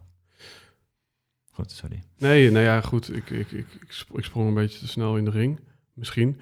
Kijk, eh, eh, niet, niet, niet de beste hoeven zijn, maar ook niet de grootste hoeven zijn. En mijn Ja. bruggetje was eigenlijk dat ja, je denk ik toch in de ogen van velen een opmerkelijke keuze hebt gemaakt rondom eh, je bedrijfsvoering. Ja. Ja, misschien is het goed dat je hem daar zelf even op. Ja, nee, zeker. Een van mijn favoriete boeken ook van de afgelopen tijd is eh, Small Giants. Ik weet niet of je die kent, maar het is echt... eh, Nee, maar dat klinkt nu al echt fantastisch. Ja, hij is top. Hij is echt top. Het gaat echt over dus, nou, voorbeelden van bedrijven die heel erg vanuit hun waarde, hun, ja, hun bepaalde visie die ze hebben, dat is voor ieder anders, dat ze ja, daar heel, heel erg durfden eh, aan vast te houden. Want dat merk je misschien in ieder geval, bij mij is dat wel geweest, dat als je succesvoller bent of in de media hè, aandacht krijgt als bedrijf met vertellen, is best wel snel gegroeid zijn we na een crowdfunding al uh, behoorlijk. Wil iedereen wat van je? Ze willen allemaal op je bagage dragen. hey, ik heb een idee. Kan je dit? Kan je dit spel met mij? Kan je? Dan denk ik, oeh, weet je, al die kansen. Ja, ik moet groeien. En dan heb je dat Amerikaanse model van think, grow or die en dat soort dingen. En dit boek is juist, ja, laat zien hè, de dappere mensen die dat allemaal juist niet hebben gedaan. En die hele succesvolle, fijne bedrijven hebben gehad. Waar het inderdaad niet gaat om we gaan de next uh, unicorn of uh, volgende exit maken. Maar hoe kunnen wij gewoon een heel tof, uniek bedrijf zijn waarin we goed voor onze mensen zijn, ja. goed voor onszelf. Uh, ja, dingen die mij veel meer aanspreken. Dus ja, dat is eigenlijk ook hoe wij met Vertellers vanaf het begin die keuze hebben gemaakt. We zijn begonnen op Bali met een kokosnoot. Ja, die vibe van oké, okay, nou ja, niet vakantie vieren, maar het moet wel iedere dag gewoon leuk zijn. En er moet genoeg tijd zijn voor, nou, ik heb een dochtertje, uh, ik wil veel sporten. Hè, ik zet mezelf op één en dan ja, komt mijn werk, waardoor mijn werk eigenlijk ook gewoon beter gaat. Ja, en is, is, is daarmee uh, ja, de, de prijs die je betaalt dat je minder groeit? Of is het juist een gezonde groei en daarmee eigenlijk meer groeien? Ik denk, ik denk meer langer termijn. Uh, en dat is voor mij ook heel belangrijk om het dus vol te kunnen houden. Als ik terugkijk mm. naar mijn leven, heb ik een beetje een aangespannen van vijf jaar en dan, uh, dan stop ik met uh, dingen. Dan vind ik het lastig. Dat is een beetje zo'n zo'n turning point. Um, en dit is wel zo ingericht dat ik denk, ja, dit kan ik nog heel lang doen. Want ja, ik ja. vernieuw, ik kan mijn eigen learnings groei in, ja, in mijn bedrijf producten stoppen. Maar ik kan daarnaast ook ja, uh, voor mezelf goed zorgen. En niet overspannen, gestrest of nou ja, ik wil veel sporten, ik wil veel naar buiten, ik wil, uh, als ik mijn dochtertje kunnen ophalen van school, het zijn vaak die kleine simpele dingen, maar ja, ik wil niet van 9 tot 5 en niks mis daarmee per se, maar dat is gewoon een keuze die ik heb gemaakt. Dus vertel eens dient dat en ik heb de geluk dat mijn compagnon ja, met mij echt op één lijn zit. Um, dus ja, dat. En tuurlijk willen we wel succes, we willen groeien, we willen zoveel mogelijk mensen inspireren. En dat moet een goede balans zijn. En soms ja, hebben we ook momenten gehad, bijvoorbeeld tijdens corona, dat uh, nou, die balans iets meer aan de werkende kant zat. Maar ja, we zaten ook met z'n allen thuis en dat was ook een spannende tijd. En wat gaat er gebeuren in de markt? Ja, dat, uh, dat ook. Die periodes zijn er ook. Maar dan is het wel weer dus zelfreflectie, bewustzijn. Hey, ja, want het interessante is dat je zeg maar, als je het dan toch hebt over het thema burn-out en vermoeidheid. Eh, ja. Wij konden eigenlijk beide constateren dat we in een soort ja, fase zitten, uh, als we om ons heen kijken, waarin heel veel mensen toch vermoeid zijn geraakt ja. Maar ook met vraagtekens boven hun hoofd zitten van hoe moeten we eigenlijk ja, nog business doen? Want ook, ook zeg maar de manier van online of internet ondernemen blijkt ook weer veranderd te zijn. En dan tellen we daar ChatGPT bij op. Dus, dus, dus wat voor ontwikkelingen, dat is natuurlijk misschien heel erg, er wordt wel gezegd dat is een waarneming en de waarneming is nooit waar. Maar, maar wat neem je waar in de eh, wereld nu? Ja, in de wereld is dat, dat, dat lukt me niet, maar in ieder geval mijn uh, bubbel. In, in mijn, jouw wereld? In mijn wereld, ja, in mijn uh, in waarneming. Ja, ik, ik merk wel veel ondernemende vrienden van mij die best wel, ja, ook wel hard hebben gewerkt en ook wel moe zijn. En denken, oh, we moeten weer onszelf opnieuw uitvinden. En uh, ja, dat dat, hè, sinds corona is dat in meerdere, hè, dan gaat alles weer open en dan gaat het weer. Dan weer dit en dan weer dat. En dan komt de iOS-update. Dus er zijn heel veel veranderingen geweest in een hele korte tijd. En uh, ja, als, als ondernemer, en je hebt dus die dan groeien en cijfers en het moet meer, uh, ja, dan kan dat nog wel best wel wat, uh, wat stress en druk veroorzaken. En dat merk ik wel. Dat ze ook wel een beetje moe zijn en van, nou, oké, ja, weet je, het, als het nu klapt, ja, ook goed. Ehm, dus is wel een beetje in een, in een houding van, oké, ik ga er niet meer keihard voor vechten of slaan of het is gewoon zoals het is. En ik denk dat eigenlijk dat dat best wel een goede houding is. Mhm. Alleen, uh, ja, ook wel gewoon vraagtekens met uh, hoe, waar gaat het heen? En uh, dat heb ik zelf ook, maar dan wel weer vanuit mijn kinderlijke nieuwsgierigheid. Ja, ik heb er ook wel weer zin in. Ja, want, want, want, jouw product ja, zou, is niet onderhevig aan de tand des tijds. Ik denk de, wat we doen wel. Ik denk dat het universeel is. Connectie, goede vragen stellen, diepere relaties willen hebben met je familie, je vrienden, diepgang. Um, ik denk dat dat wel een universeel iets is. Uh, ik denk kaartspellen, ja, aan zich, spellen aan zich gaan ook best wel lang mee, hè, tot uh, heel veel vroeger. Uh, dus die combinatie wel, maar goed, ja, ieder bedrijf hè, van, er zijn genoeg bedrijven die we kunnen opnoemen die er nu niet meer zijn, waarvan we dachten, wow, die, hè, zijn die gestopt? ja, dus. Zullen we gewoon een kaartendek opengooien. Ja, ja, ik heb er wel één eh, vraag klaargelegd die me misschien... Ja, want misschien even eh, voor de luisteraar. Er liggen drie spellen op tafel. De rest heb ik nog niet opengemaakt, maar... Dus wat er op tafel ligt, dat is eh, de familie-editie van Vertel is, de relatie-editie en de feestdagen-editie. En jij hebt ervoor gekozen om? Ja, de relatie-editie, omdat ik heb ook jouw vriendin gezien toevallig Ja. leuk. En ik weet, onze eerste zweethut-ervaring eh, ging ik ook... Het thema liefde bij jou was toen eh, belangrijk. Mhm. Dus vandaar dat ik dacht, eh, leuk. eh, ja, en met Giel hebben we de feestdagen gedaan. We zijn nu, het is nu niet tijdens de feestdagen. Dus ik dacht, nou ja, een beetje de bloemetjes buiten zetten. Een beetje liefdesvibes voor jou. Ja, dus voor de kijkers thuis. ja, ik, ik had net een soort mooie metafoor van. Ja, ik, ik dacht, hoe, hoe geniaal is het om. Hè, er zijn heel veel jongeren die kijken naar online gamers en dan kijken ze mee op YouTube. Ja. Ja, en dit is ook meekijken met eh, gamers, maar dan, eh, Toch eindelijk mijn gamecarrière door jou. Yes, maar dan gewoon, eh, gamer. maar dan gewoon met Ja, een fysiek kaartspel. ja, normaal heb je dan een stapel, verdeel het in rondes. Dus dit is wel de niet-versie, maar meer voor, voor de leuk voor het gesprek. dacht ik dat dit wel een leuke kaart voor jou kan zijn. Ja, werkt dat ook zo, dat je echt die kaart mag kiezen? Nee, kijk, in principe, ja, er zit eh, ook een regel in dat je pas en kan pasen. Dus stel jij trekt hem nu en je zegt nee, paas hem naar jou, nou, dan moet ik hem beantwoorden. dus, dus er zitten wel wat tweaks in. Maar kijk, uiteindelijk, eh, als je de regels volgt en het spel speelt, dan, dan kan dit en dan kan het ook heel leuk en luchtig worden. Eh, hoe ik, dit is zelf maar een van mijn favorieten, omdat ik het met mijn vriendin ook geregeld doe. Eh, Een soort in-check date nights eh, plannen we in. En dan ja, trekken we ook kaartjes. En dan is het wel vaak van, ah, we zitten in ronde 1 of ronde 3. Dat zijn andere Grappig rondes. is dat ik het eigenlijk best spannend vind. En dat was volgens mij ook zo toen jij dat met Giel ging doen. Volgens Ja. mij had jij zelf dat ook een beetje doen. Ja, ja, ja, ik vond sowieso, zo'n podcast is altijd, voelt net of ik weer moet voetballen, weet je. Ja, ja, ja. Dus dat heb ik sowieso. Eh, maar ik, ja, ja, Giel vond het ook wel volgens mij spannend. Maar dat is logisch, ja. Open, openheid en toch weer die, ja, durven blootstellen. Durven, hè, dat woord erin is ook, eh, ja, je moet toch wel een beetje een, een drempeltje over. Dus eh, let's do it. Doen Hoe sneller, ja precies, hoe sneller je het doet. Ehm, ik ga nu gewoon de kaart voorlezen. En daarna geef ik hem jou. Ja, Nee, ook goed. nee, we, nee. Kunnen, ja, we kunnen hem ook afspreken. We beantwoorden beide. Maar go, go ahead. Ja, nou ja, ik, eh, ik, ik hou me gewoon een beetje aan... Jij bent de quizmaster, dus... eh, wat voor invloed, positief of negatief... heeft het hebben of uitblijven van kinderen of kleinkinderen? Ja, ik denk dat het een super centraal thema is. Echt eh, centraler kan niet, denk ik. Eh ten meer omdat ik eh, afgelopen week... eh, ja, mijn vriendin heeft dus een dochtertje van drie. En nou, ik, ik ben de hele week bij mijn vriendin eh, geweest.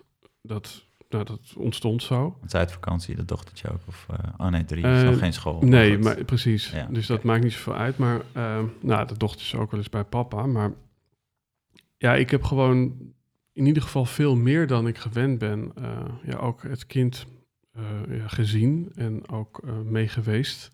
Ja. En, ehm, en ja, dat, dat, dat raakt van alles. Hè? Ik bedoel, om heel eerlijk te zijn. Voor mij was het gewoon eh, in, in, die, in die nieuwe relatie zo dat ik behoorlijk eh, eh, ja, mijn best moest doen om eigenlijk vanuit een soort ja, monnikenleven naar, naar, Papa. ja, naar een soort, ook een soort, dienstbaar leven. Ja. En zelf had ik echt het gevoel van, nou, ik, ik doe nogal wat, weet je wel.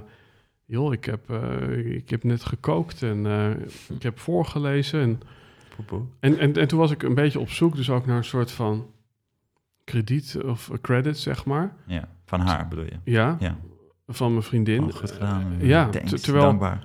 terwijl, ja, dat, is- dat zou een beetje hetzelfde zijn eh, als, als dat jouw vriendin, als je bijvoorbeeld geen kinderen hebt, iedere dag zegt, ah, echt dankbaar, eh, thanks dat je vandaag met me wou zijn of zo, weet je wel. Ja, Het is net zoals als, als water en ademen, Ja. als, als moeder om een kind te hebben, denk ik. nou, toch is het wel mooi. En dat is ook wat dit spel doet. Is dat je toch wel dingen uitspreekt die je voor lief neemt. Waar je dan toch wel ja, dankbaarheid voor. Het is toch wel fijn om Ja. die waardering te krijgen. Dus ik, ergens is het wel iets goeds. En ergens ja, zou het niet moeten dat je iedere keer een schouderklopje krijgt natuurlijk. Of moet krijgen. Ja, dus de invloed die het heeft, is dat, ehm, als ik eerlijk ben, dan ehm, is het echt uitdagend. Ja, dus het leert Ja. je veel.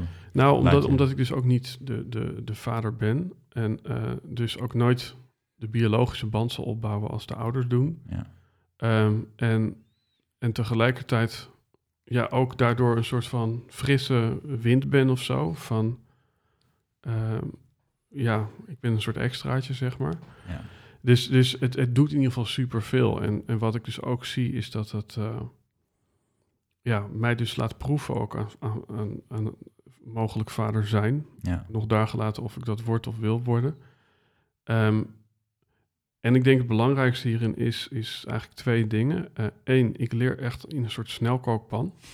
Want er gebeurt gewoon veel meer op een dag. Eh, ik bedoel, ehm, ik, ik had toen ik nog geen soort van relatie had, ik ben ook een tijdje alleen geweest. En laat staan een kind en dan heeft ze ook nog een hond en vier konijnen. dus, dus die hele cocktail die zorgt er eigenlijk voor dat ik, ik moet nu wel af en toe sta- de stamoudste zijn, weet Ja. je wel. Eh, ik moet wel Bepaalde verantwoordelijkheid die je eerder Ja. niet... eh, of, of keuzes maken. En, en daarvoor eh, zocht ik die, die verantwoordelijkheid op. ja. Dus dan, dan ging ik ja, inderdaad in een zweethut zitten of in een ijsbad om maar te zoeken waar, waar lagen mijn grenzen en wat doe ik wel en niet. Waar zeg ik ja en nee tegen. Maar Nu heb je dit gewoon een weekje met de kleine... dan, dan moet je gewoon instant beslissen, weet je wel. Van eh, oké, nou ga jij maar naar de kapper, dan doe ik het eten. Eh, dat Ja. is niet van, Nee. oh nou ik moet meer keuzes maken en assertiever worden. Het- je wordt er gewoon ingetrokken. Ja, precies. Dus dat was voor mij een hele belangrijke. eh, dus Dus je, hebt, eigenlijk, dus je hebt wel die bewustwording, dat, dat je daar wel van denkt van... wow, oké, dit proces, daar geniet ik wel van. Of, of vind je het ook wel ja, lastig? en, en, of- dat, en dat is dus het interessante. Mijn takeaway is echt van, ik geniet er echt van. Ehm, op, op het vlak van dat het voor mij heel fijn voelt om ook een bijdrage te kunnen leveren, een helper te kunnen zijn. Ja, maar toch niet die, echt die verantwoordelijkheid moeten... aan het einde van de rit is toch de moeder die dan... Ja, Vul dus, ik het in, precies. Dus nou, ik, ik voel heel erg, trek me heel erg in het nu. Ja, Eh, maar er zit ook een soort van criticism in, dat ik denk van, oké, blijkbaar vind ik het dus heel fijn om ook iets te kunnen bijdragen. Dat geeft mij een gevoel van eigenwaarde. Ja. Maar ook het besef daarin, ja, ik zou ook wel goed genoeg moeten zijn zonder dat ik een bijdrage lever. Dus ik merk dat, dat ik me eigenlijk eh, ja, trots op mezelf word of ja, een, een, een fijnere mening over mezelf erop nahoud. Terwijl ik denk, ja, fuck. Maar dat, dat, dat, dat is toch niet zo te toetsen aan hoeveel je doet of zo? nee, maar ja, ik denk wel dat het eh, ook iets universeels is, toch? Eh, mensen helpen groeien en dat is met een kind heel puur, maar dat is ook eh, wat met vertellen is met, eh, als je een ander kan raken en je denkt, wauw, die, die, die heeft een, een mooiere dag of, of iets geleerd. Of ja, dat zijn wel dingen, hè, dat, dat behulpzame. Ja, Eh, dat is wel een gemeengoed volgens mij op, op hoe je een gelukkig leven zelf kan leiden. ja, Dus eh, en dan is dit met zo'n kind krijgen, ja, je moet wel, en dat is heel primair, veel emoties en zo. Hey, en het thema vrijheid dan voor jou, want ik heb hetzelfde, eh, alleen ben ik de vader van mijn dochter van vijf en mijn vriendin, eh, dus bonusmoeder. En eh, nou, we hebben ook deze kaart hebben wij iets van tien keer getrokken hoor. Echt gewoon wel met de volle stapel. En dan dat we dachten, nee, niet weer deze. Alsof, hè, niet dat ik van het universum of zo, maar het was nou ja, te toevallig dat ik dacht, nou, en het was ook heel goed dat we die kaart trokken. Eh, maar ook het thema vrijheid zei het wel erg van, ja, weet je, ik moet wel veel opofferen, want ik ga het liefst met jou nu naar Bali, Thailand, weet ja, ik veel. ja, ja. Dat kan niet. Hè? Dus, eh, en ik zie het zelf meer van, oké, hoe gaan we dit, deze very hard game wel op een goede manier, dat we wel aan onze eh, trekken komen en, en, en Ja. een goede balans is. Dus ik, hoe is dat voor jou? Want jij moet ook wel een concessie doen, denk ik. Nou, kijk, Van monnik naar... Ja, Papa? nee, het, het is echt zo van, eh, ga ik vanavond naar de sauna, naar het casino of... en, en dat casino, dat, is- dat, dat is echt, dat zou niemand van mij zeggen in het kader van vertellen is, maar ik vind het echt super grappig om daar af en toe met een goede vriend eh, rond te hangen. Ik ook. en Lang geleden wel, maar nu je Ja. dit zegt, denk ik, ja, moet ik weer een keer gaan. ja, dit is gewoon echt vooral heel grappig. En dan krijg je een drankje en dan sta je in die bar en zie je al die gasten en denk je, Ja, ja, ja. ja. dus, nou ja, eh, maar, maar goed, het is natuurlijk voor mij echt wel een enorme shift van... eh, ja, nobody gives a shit als ik uitslaap of ik afhaal of weet je wel. ja, Naar, ehm, ja, als je nu zeg maar friet in de pan doet... Ja, eigenlijk is het voor haar misschien niet zo best... Maar ja, je kan het natuurlijk niet in je eentje nemen. Oh ja, shit. Dus, dus het gaat er niet alleen om dat ik de keuzes naar mezelf toe eh, anders moet maken, maar je moet ook nog een soort voorbeeldrol hebben. Ja, oké, precies. En dus voor mij is het echt, ehm, het, het thema vrijheid eh, lever ik denk ik heel eh, letterlijk genomen best wel in. Ja, maar dat vanuit een natuurlijk geen zonder eh, moeite. Nou, ik, je, ontmoet mij een soort van midden in dat proces. Want voor mij is het stukje vrijheid inleveren. ehm, ja, waar, waarvoor ruil ik het? Want ik zie het als een soort ruil. En dat is voor mij zingeving. Omdat ik ook voel van... Ja, het, het is wel leuk en plezierig om die vrijheid te hebben. En die sauna en die dit en dat. Maar als ook ik allemaal dat, leeg en precies, als, ja. als ik dat wegzet tegen, tegen het bouwen aan een toekomst... Ja, Maar, en, en los van waar, waar het balletje heen rolt, hè, want ik zeg al, ik weet niet eens of ik vruchtbaar ben, ik noem maar wat. ja. Ehm, eh, en ook of die wens er is en zo. Dus, maar het is, het is, het is super leerzaam en eh, het voelt ook inderdaad als, ja, voor mij is progressie eh, en leren gewoon super belangrijk. Ja, dat wou ik zeggen. Ik, ik maak, waarom ik ook vraag over die kernwaarden. We hebben ook een spel gemaakt wa- waar je achter je kernwaarden kan komen. En ook met anderen. Inmiddels uitverkocht, dus ik heb er niet mee. Maar ehm, dat daar gelaten. Wat interessant is in wat zijn jouw kernwaarden die dan... Hè, je noemt nu groei volgens mij. Dat is een kernwaarde die je heel belangrijk vindt. Maar die wordt juist gestimuleerd hierdoor. Ja. Dus dan is dit, deze rol die je nu dan hebt misschien wel makkelijk. Omdat er niet een kernwaarde in conflict komt met nou ja, de rol die je nu hebt. ja. Is, eh, is er een kernwaarde waar je dat wel, van bepaalde waarden waarvan je denkt, ja, dit raakt misschien wel in conflict nu? Of heb je dat echt totaal niet? Nou, dat is, eh, eh, ik weet niet of, ik- of ik het juiste woord vind, maar ik, ik ben nogal, eh, ik heb nogal veel zelfbehoud. Ja. Dus, dus ik, ik, ik toets heel vaak, voel ik me goed? Ehm, voel ik me gezond?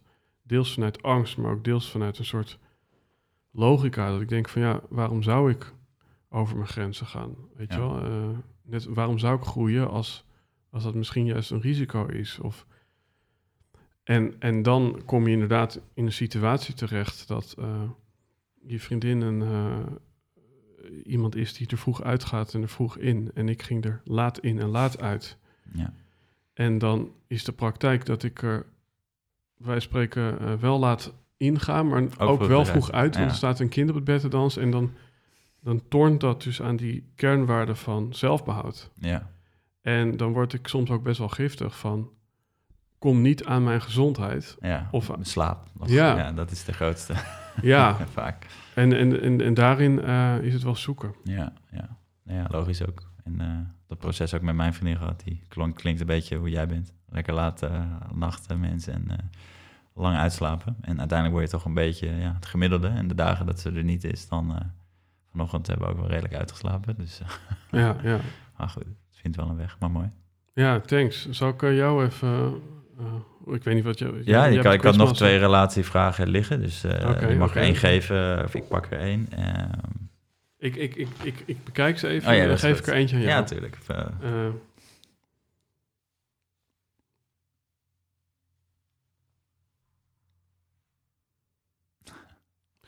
ehm, ja, je mag hem zelf voorlezen als je wil. Dit wordt hem. Wat deed je de afgelopen tijd goed in jullie relatie en wat had je beter kunnen doen? Gelukkige stellen zijn niet perfect, ook zij maken ruzie. Ja, mooi. Eh, wel grappig om dit überhaupt te doen op een podcast met jou, niet mijn vriendin. dit is echt uniek, maar eh, wat ik goed deed en wat had ik beter kunnen doen? Nou, wat ik denk goed deed, en eh, dat is wel denk ik een grappig verhaal. Ik heb dus een boekenclub. Met twee vrienden is het gewoon een goede reden om bij elkaar te komen en te zuipen. Maar ook eh, om, om dus goede boeken te lezen en daar eh, ja, van elkaar ook te leren. Je, een daarvan is in de 50, de andere is eh, bijna tegen de 40 en ik ben net over de 30. Eh, plus, ja, je hebt, ieder heeft zijn eigen ja, waarheid of visie op relatie. Je leest het boek en dan hoor je weer van elkaar dingen. En je leest het dus eigenlijk door drie ogen of eh, zes paar ogen. Eh, nee, ja, drie paar ogen. Zes ogen. Zes ogen. Eh, rekenen was niet mijn beste vak op de school. Maar ehm, ja, dat is wel heel interessant om dat te doen. Waardoor je... eh, er is dus één boek geweest die we recentelijk hebben gelezen... die ik zei, de Relationship Handbook. Die is echt supergoed. En nou, wat doe ik goed in mijn relatie... is denk ik wel open blijven om... ja, hoe kan dit beter? En ook daarin, ja, ieder moment... je wordt ouder, het kind wordt ouder... eh, je werk wordt anders. Er veranderen zoveel dingen. En hoe kan je eigenlijk weer op ieder moment opnieuw eiken Dus ja, wat jij zei, dat zelfbehoud of een soort thermometer van... hey, schat, is, het, is de temperatuur nog goed? Ja, en we gaan weer door. Dus die, die date nights die wij doen, die ik dan ook graag inplan al van tevoren. Hè, een soort kwartaal of kwartaalmeeting, monthly met elkaar. Ehm, ja, die we dan ook leuk maken, gaan we ergens eten. Die zijn super belangrijk. En ik denk dat ik dat wel goed doe om nou, te blijven leren en te kijken wat kunnen we beter doen. En daarnaast ook gewoon die eh, ja, routine erin te houden om uh, ja, een, een hele fijne relatie te blijven behouden. En niet te verzanden in, ja, zo deden we het altijd. Of dat hele onbewuste leven, zeg maar. Hè? Ik, liever dat bewuste leven, dat je echt weet en voelt van, uh, dit kunnen we beter en anders doen. Dus was dat hem? Ja. Wat had je beter kunnen doen? die, skip, die skip ik.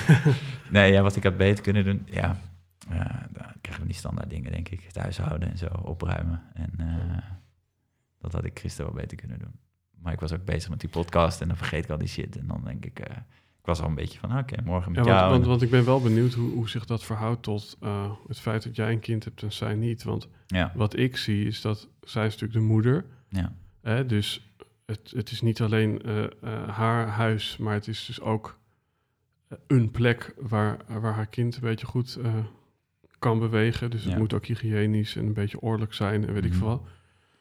Eh, en ik hoor dus eigenlijk dat jij het huishouden beter kan doen. Maar hoe, hoe, hoe, hoe, zit dat dan? Want, Dus recentelijk hoor. Nee, ja. Ik denk dat het mij zeker meer eh, motiveert om het ook zeker goed te doen. Ehm, en eh, ja, ik ben ook heel dankbaar dat mijn vriendin daar ook zonder eh, ja, eh, discussies ook gewoon eh, haar rol in, in pakt. En inderdaad, daar zitten ook dingen bij van mijn dochter. Dus eh, ja, dat, eh, daar ben ik alleen maar dankbaar voor. En dat spreek ik ook vaak uit, zodat, we dat, eh, zodat ze die waardering in ieder geval merkt. En eh, ja, dat is ook een van die liefdestalen, toch? Dat je de een geeft veel om cadeautjes krijgen, de ander geeft ja. veel om lieve woorden, complimenten en de ander om daden.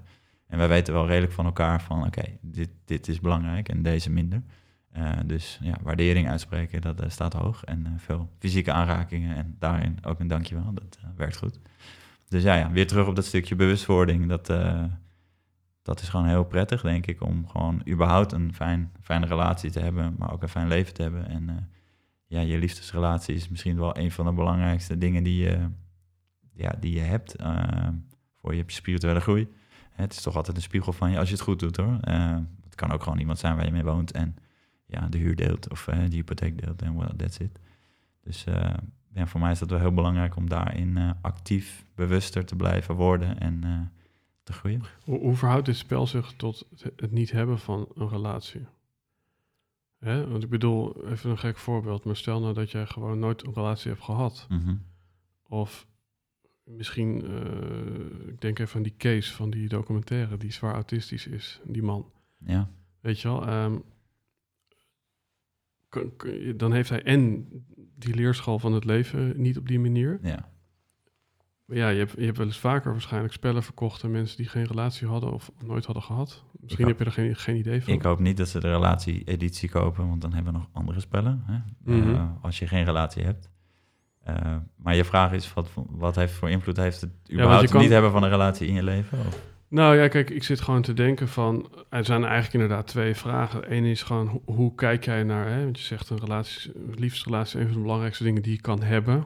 Ehm, Nou, hebben is ook niet het nou ja, woord, dit is gewoon een, een hele Het goede... is een belangrijke keuze en je kan daar of dus, nou ja, eh, een fijner leven door hebben of niet. En ik denk het niet hebben daarvan kan er ook nog steeds voor zorgen dat je een heel fijn leven kan hebben. Dus het is niet van, je moet het hebben, anders niet. Dat denk ik totaal niet.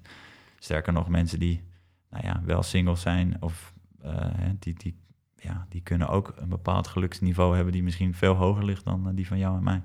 En Ja, niet dat geluk nou het me- meest haalbare is, maar ik denk het hebben of het niet hebben van een relatie ook. Maar het is meer als je voor een relatie gaat, dan is het belangrijk om dat eh, goed te doen. Ja, maar, maar je zou dit theoretisch ook met een vriend kunnen spelen. Jazeker.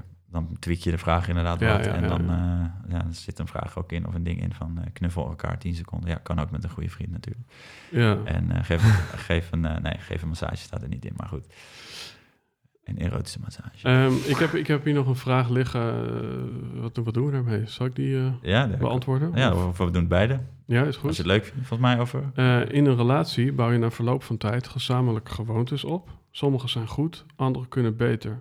Welke gewoonte zou je de komende tijd met jouw partner willen verbeteren? Ja. Moet ik eerst beantwoorden of jij? Of jij een antwoord? Wat Zo. hebben jullie gewoontes? Nou ja, wel, welke, dingen, eten, uit eten. Kijk, eh, dit- vind ik meteen wel een hele boeiende. ehm, wat volgens mij een gewoonte is geworden. Ja. Ik weet niet of het die status al mag hebben na het aantal eh, keer, maar ik ga dan vaak haar masseren. Eh, niet dat ik eh, daar heel erg veel verstand van heb, maar ik doe dan mijn ogen dicht en eh, nou, eh, volgens mij doe ik dan iets goed of zo. Ehm, ja, en dan zetten we vaak een podcast op van Paul Smit en Patrick Kikken. Dus Patrick en Paul, filosofie met mayonaise, echt briljant. Dus Nice. dat is een persoonlijk ontwikkelpodcast die Ja, fucking grappig is. Waarin ook heel erg veel... Dus dat is jullie ontspanning samen, maar ook het groeien samen. Ja. En, en dat aanraken. Er zit best wel veel in dat, Ja, dus- in dus- dat ritueel. zeg Ja, maar. en ik maak er dan nog wel eens een grapje van. Van eh, eigenlijk altijd eh, als wij een vorm van geborgenheid of intimiteit hebben, dan zijn er ook nog twee andere mannen bij. Ehm, het is denk ik heel leuk omdat we samen ook over die content praten dan. Ja. Ehm, laatst gingen we ook voor het eerst eh, wandelen met allebei een headset op. En dan hadden we de Spotify eh, synchroonplayer. Dus Oh, dan hoor je ja. allebei precies hetzelfde. Ook een podcast was het, met Jan Geurt. Over liefde. En toen dacht ik, nee, dit, dit, is, Oh. dit, dit, dat beviel me toch echt een stuk minder. Eh, omdat je daarin eh, dus niet de mogelijkheid hebt om er ook nog over te praten. En te lachen, denk ik. Ja. Die connectie eh, mis je dan of zo. Ja, dat was gewoon wel echt ja, anders dan je, een soort noise cancelling headset. Dan zit je Ja. gewoon toch allebei in je eigen wereld. En Ja, voor mij ook wel logisch. Dan nou, is het logisch. bijna een soort Netflix, weet je? Dat je allebei gewoon in een soort tunnel zit. Ja, ja, een van de belangrijkste dingen die je kan doen in, voor een goede relatie überhaupt is gewoon echt aandacht hebben. En dat is ook weer terug wat we eerder zeiden over tijd offline stimuleren met vertellen is en minder op je telefoon. Ik denk dat dat eh, een van de beste gewoontes zou moeten zijn die iedereen eh, zoveel mogelijk moet inbouwen. Want het is gewoon heel lastig om, nou ja, je hebt een druk leven, je wil leuke dingen doen, je hebt vrienden, je hebt misschien een kind of twee. Eh, je bent moe na een werkdag, ja. Ga dan nog maar, als je lang met iemand bent, ook nog echt hè, die aandacht hebben. Dus voor mij klinkt het wel logisch, zeg maar. maar Ja, en voor mij is het ook een beetje zoeken, want eh, wij kwamen elkaar dus tegen in Otterlo, heet het geloof ik. Ja, ik zeg steeds fout, mijn vriendin die moet nu lachen. Ik zeg altijd Oosterlo, waarom weet ik niet. Ja, Otterlo, toch? Klopt. ja het is wel zo. ja. Ehm, maar ehm, dat, dat, dat, dat was wel echt zo'n plekje van ons. Dus het is geen reclame, maar net zoals bijvoorbeeld Zwier, dat echt een fantastische park is in Vinkenveen om eh, een keer te vertoeven. ja. Ehm, maar ja, wat, wat, wat zij dus een soort van aangaf, is dat het ook af en toe best wel onrustig is, dat we best wel vaak uit eten gingen. Ehm, en dat het ook ehm, ja, heel erg een soort van vanuit mij toch ook wel kwam, omdat ik gewoon best wel een Bourgondier ben. En zij heeft dan ook een x aantal diëten, dus het is ook wat, wat meer zoeken naar Ja. een geschikte maaltijd. Dus, dus dat, als ik heel eerlijk ben, dan is het soms ook nog wel zoeken van, ja, we zijn ook nog best wel een jong stel, van in hoeverre zijn het onze gewoontes, in hoeverre zijn het mijn behoeftes. Ja, ja. Dus dat is, ehm, ja, ja ik, ik denk dat als je het haar zou vragen, is, is die gewoonte eigenlijk overdadig vaak gebeurd. Ja. Eh, wat je ziet in je portemonnee, in, in de hoeveelheid tijd die het kost, Ja. in, in de hoeveelheid friet die er in, in je buik zit. ja. Heb je het hier wel eens over gehad? Nog niet. Nou, niet zo uitgebreid, nee. Nee, nou. Nee, en dat is dus de magie, vind ik, van, van zo'n... Weet je, in, in bijna iedere vraag die in een van onze spellen of dingen zitten... Ja, die- die maakt weer een gesprek los waar je... Ja, normaal misschien is, gaat het onbewust... totdat het dan een soort van te laat is. Dat ze zegt, gaan we nou weer uit eten? Weet je wel, dan dat je bijna ruzie erom krijgt. Is dat nu al dat je voortijdig ja, die thermometer eigenlijk voelt van... hé, hey, hier kunnen we ja, optimaliseren om, eh, om nog fijner samen te leven. Ja, Dus dat, eh, ja, dat vind ik gewoon ook leuk en ook zo'n antwoord. Dat ik denk, ja, grappig, mooi, want als zij dit ook gaat weten. En eh, dat jullie dan, als je uit eten gaat, is het extra speciaal voor jou en haar. ja, ja Of tof. Nou ja, goed, kijk, ehm, ik denk dus dat, ehm, dat wat, wat hier ook in terugkomt voor mij is dat goede gewoontes, eh, die verliezen soms ook een beetje de magie op het moment dat het routine gewoontes worden. Ja, ja. ja Snap je? Dit is een beetje een soort van Cruyffiaanse uitspraak. Maar ja, ja, helemaal mee eens hoor. als jij zegt één keer per maand uit eten, dan, dan heeft dat een soort status. Maar als je dan iedere dag uit eten gaat... Ja, niet meer. Nee, ja, ik, eh, ik geloof heel erg in het intermittent lifestyle. Dus ik heb, nou, al, liet ik al eerder vallen, heel erg veel van... oké, hoe kan ik het beste uit mezelf halen? Ochtendroutines, eh, alles gedaan eh, om het beste... Echt, ik had een ochtendroutine van twee uur waarin alles in zat. Ik hou douchen, bepaalde oefeningen en noem maar op. Maar op een gegeven moment wordt het inderdaad routine. Dan ga je er gewoon een beetje tegenop zien en dan wordt die berg ook wel hoog. En ik denk juist, eigenlijk met alles is een stukje ja, uh, intermittent. Dus uh, een tijd wel iets doen en de tijd niet, is het best. Met Ja, je voeding, ja, jij doet nu intermittent fasting, heb ik ook veel gedaan, doe ik nu niet meer.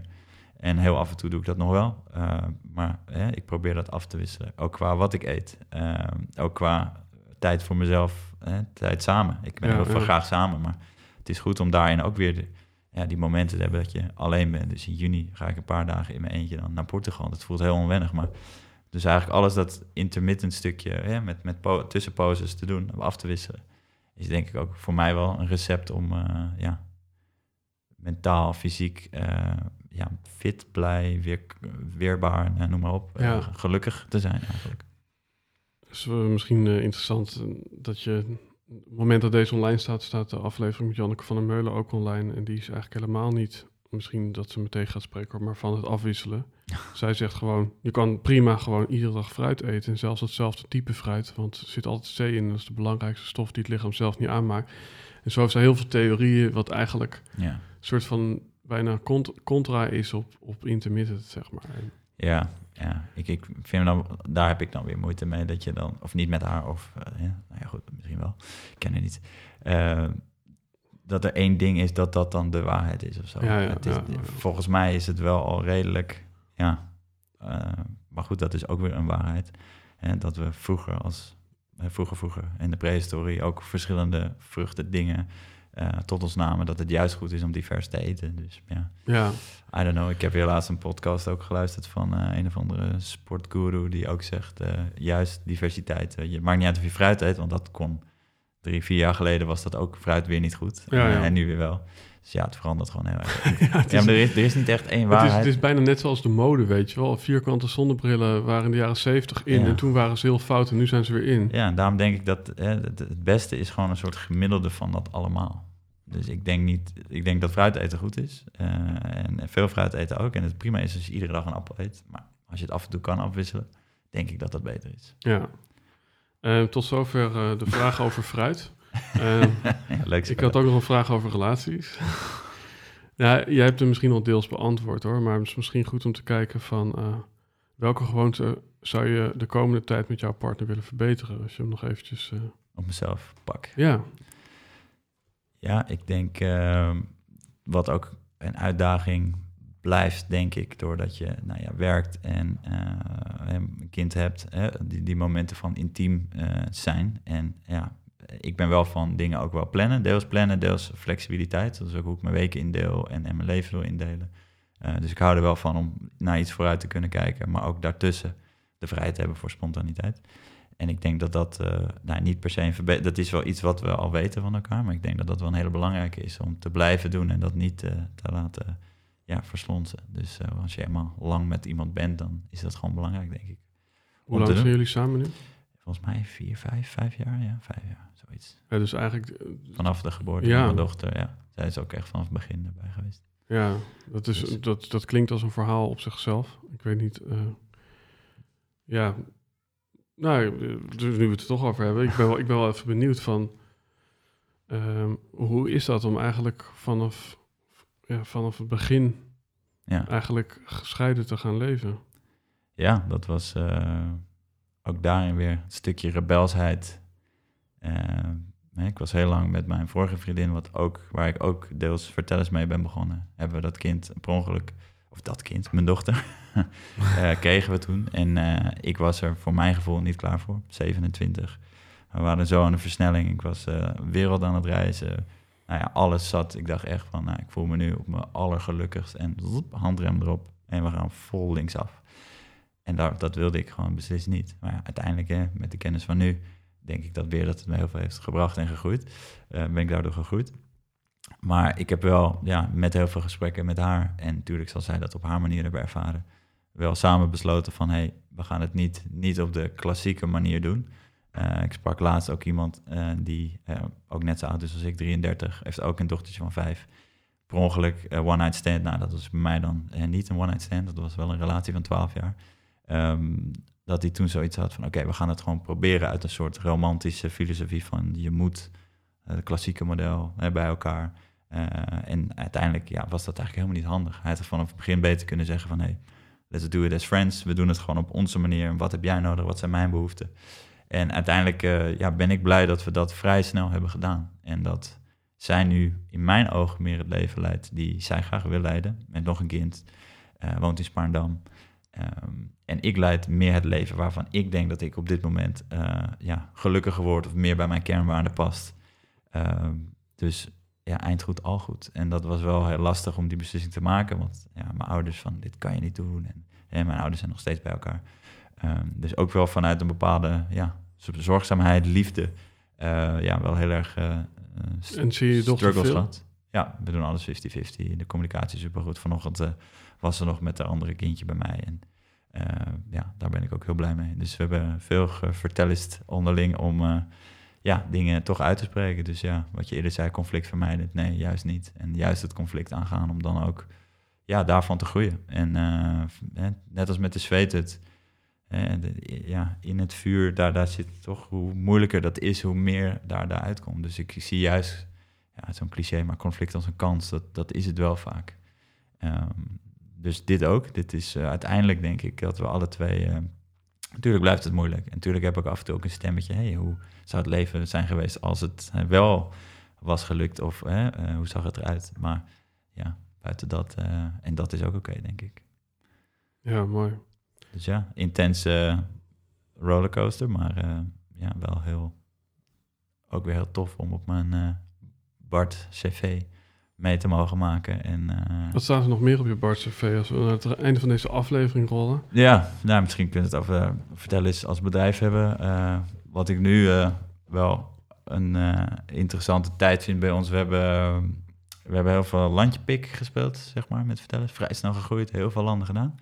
En heel tof, want een van de leukste dingen die ik nog vind doen is dus nou, zo'n wekelijkse vraag sturen. Maar die sturen we ook naar, naar onze fans in het Duits. En nu met nou, Google Translate en ChatGPT is mijn, uh, kan ik vloeiend Duits dus dat is top.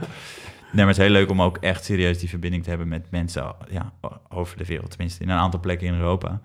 Um, en dat vind ik heel, heel cool om te hoe, doen. Hoe heet het in Duits? Ja, hetzelfde, vertel eens. En dan vaak doen we met een, een onderschrift van uh, which means tell me more. Uh, nou ja, ik kan het in Duits zonder ChatGPT niet. dus dan leggen we het een beetje uit. Mm -hmm. um, in ieder geval, die connectie met die fans vind ik heel tof. En we hebben dus eh, nu voor ja, veel landjepik gedaan. Maar uiteindelijk ook is het best wel lastig gebleken met alles wat er is gebeurd.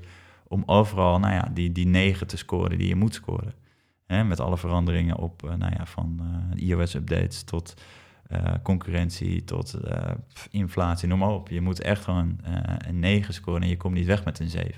En wij merkten wel dat, nou ja, terug naar dat lifestyle, wij hebben wel een bepaalde filosofie van, nou, ik ga niet van, van 8 tot 10 werken en mijn dochter nooit zien en niet ophalen van school en nooit sporten.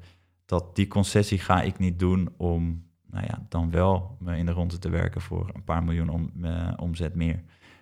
dus we hebben uiteindelijk gekozen, wel lang nog geprobeerd en op andere vormen gedaan om uh, dit jaar ja, wat te, terug te schalen, ook qua mensen waar we mee werken. En dat vind ik als, nou ja, als nou ja, CEO, we hebben niet echt rollen bij ons, maar als ja, degene die toch vaak die rol heeft, vond ik dat, vind ik dat wel lastig. Omdat je toch heel veel geeft om die mensen. En de connectie is heel goed. Dus uiteindelijk is dat wel heel goed. Zijn we goed uit elkaar gegaan. Kan ik inmiddels ook wel aardig uit elkaar gaan met mensen. op een manier.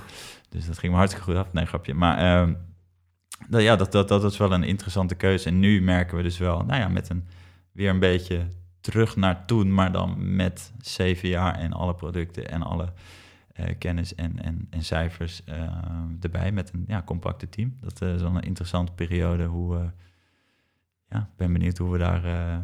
of ik ben niet benieuwd, ik weet zeker, het gaat nu al. Hè, Want hoe, hoeveel mensen lopen er rond bij jou in de organisatie?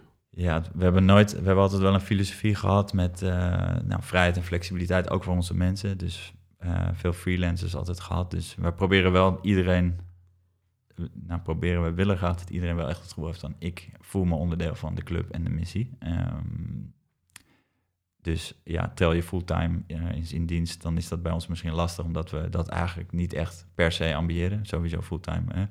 Contracten uh, kunnen ook wel heel lastig zijn. Uh, maar we hebben nu nou, vier mensen waar ik heel nauw mee samenwerk en daaromheen mensen die onze klantenservice doen. Dus dat is echt een heel stuk kleiner dan nou ja, een paar jaar geleden. Of ja, sinds COVID eigenlijk stap voor stap wel iets verkleind en nu nog meer. Het is een beetje Small Giants, dat boek dat ik aanraadde. Dat, ja. dat zijn we weer aan het doen. Dus daarom ook dat boek terechtgekomen in deze fase. Uh, begin het jaar gelezen. En uh, ja, vond het wel heel tof om, om, daar weer heel veel energie uit te krijgen. En nu dus weer veel meer met nou ja, productcreatie bezig te zijn. Dat is zo'n deck voor, nieuwe deck voor relaties, waarin we nu meer willen focussen op stellen ook. Ik heb gemerkt dat het heel leuk is om met een stel vragen te stellen. Zodat stel, zeg maar, jij bent met je vriendin ja, hier. Ja, ja, ja. Dan leer ik weer, wij leren weer van jullie. En dat is echt cool. En uh, ja, dat, dat, uh, daar ben ik dan nu mee bezig. Veel meer in plaats van dat ik ja, uh, bedrijfsleider speel en mensen moet motiveren en een strategie bepaal en, en die dingen. Dus ja, het is weer een hele andere interessante periode. En ja, ik ben benieuwd ja, waar dat weer toe gaat leiden. Die nieuwsgierigheid. Ja, ja inspirerend verhaal. En um nou ja, in het kader van vertellen is, uh, denk ik dat deze podcast ook wel ja, ja, gekenmerkt wordt door het feit dat, ja, dat, we, dat we eigenlijk gewoon over allerlei dingen gewoon aan het vertellen zijn met elkaar. En ja. we gebruiken natuurlijk het spel als een soort van motief om dit gesprek te voeren. Maar een podcast is op zichzelf ook een motief. Dus ja. ik denk uh, bij elkaar op de thee komen, zoals ik dat uh, in de avonden van Gerard Reven las in 1946 zonder reden. Ja, dat, bedoel ik. Daar moeten mensen om lachen. Weet je wel, dus dat is, dat is, dat is zo uh, verstoord geraakt door allerlei, ofwel telefoons, ofwel... Je moet een reden hebben. En dan denk ik van, nou, dan is een podcast voor mij een reden. En voor jou ja. Ja, faciliteer je eigenlijk dat motief door middel van een spel. En ik vind het echt uh, briljant. Ja. Uh, dus dankjewel voor je bijdrage. Dankjewel dat ik deze spelletjes van jou heb gekregen. Ja, zeker. Misschien, um, en misschien in het kader van vertellen... dat we nog wel een keer een aflevering maken. Misschien ook wel interactief, uh, wie weet. Ik sta er zeker voor open. En dan kunnen we misschien nog meer met een thema of bepaalde vragen. Dat vind ik bijvoorbeeld leuk om ook wel een beetje het dagboek, uh, de journal en, uh, op het licht te zetten. Ja. Bepaalde vragen in bepaalde thema's. Dus, ja, we hebben bijvoorbeeld nu, het is ook uitverkocht, maar we gaan, zijn een nieuw aan het bestellen over, ja, ik vind het, het is een Engels woord, daar hou ik niet zo van, purpose, maar ik vind het lastig zingeving. Hè. Het Nederlandse woord vind ik toch back minder, maar we hebben een deck dus over hoe je meer uh, zingeving, purpose in je leven uh, krijgt. Dus ja, er zijn gewoon bepaalde vragen die je kan stellen van hoe, wat deed je als kind en uh, plus andere vragen van nu, bepaalde opdrachten, wat vinden vrienden van jou, um, waardoor je gewoon bewuster wordt van hey, zit ik wel goed in mm. mijn werkgebied of in mijn andere gebieden, waardoor ik meer, ja, meer in dat equilibrium zit en dat je dus ook gelukkiger wordt.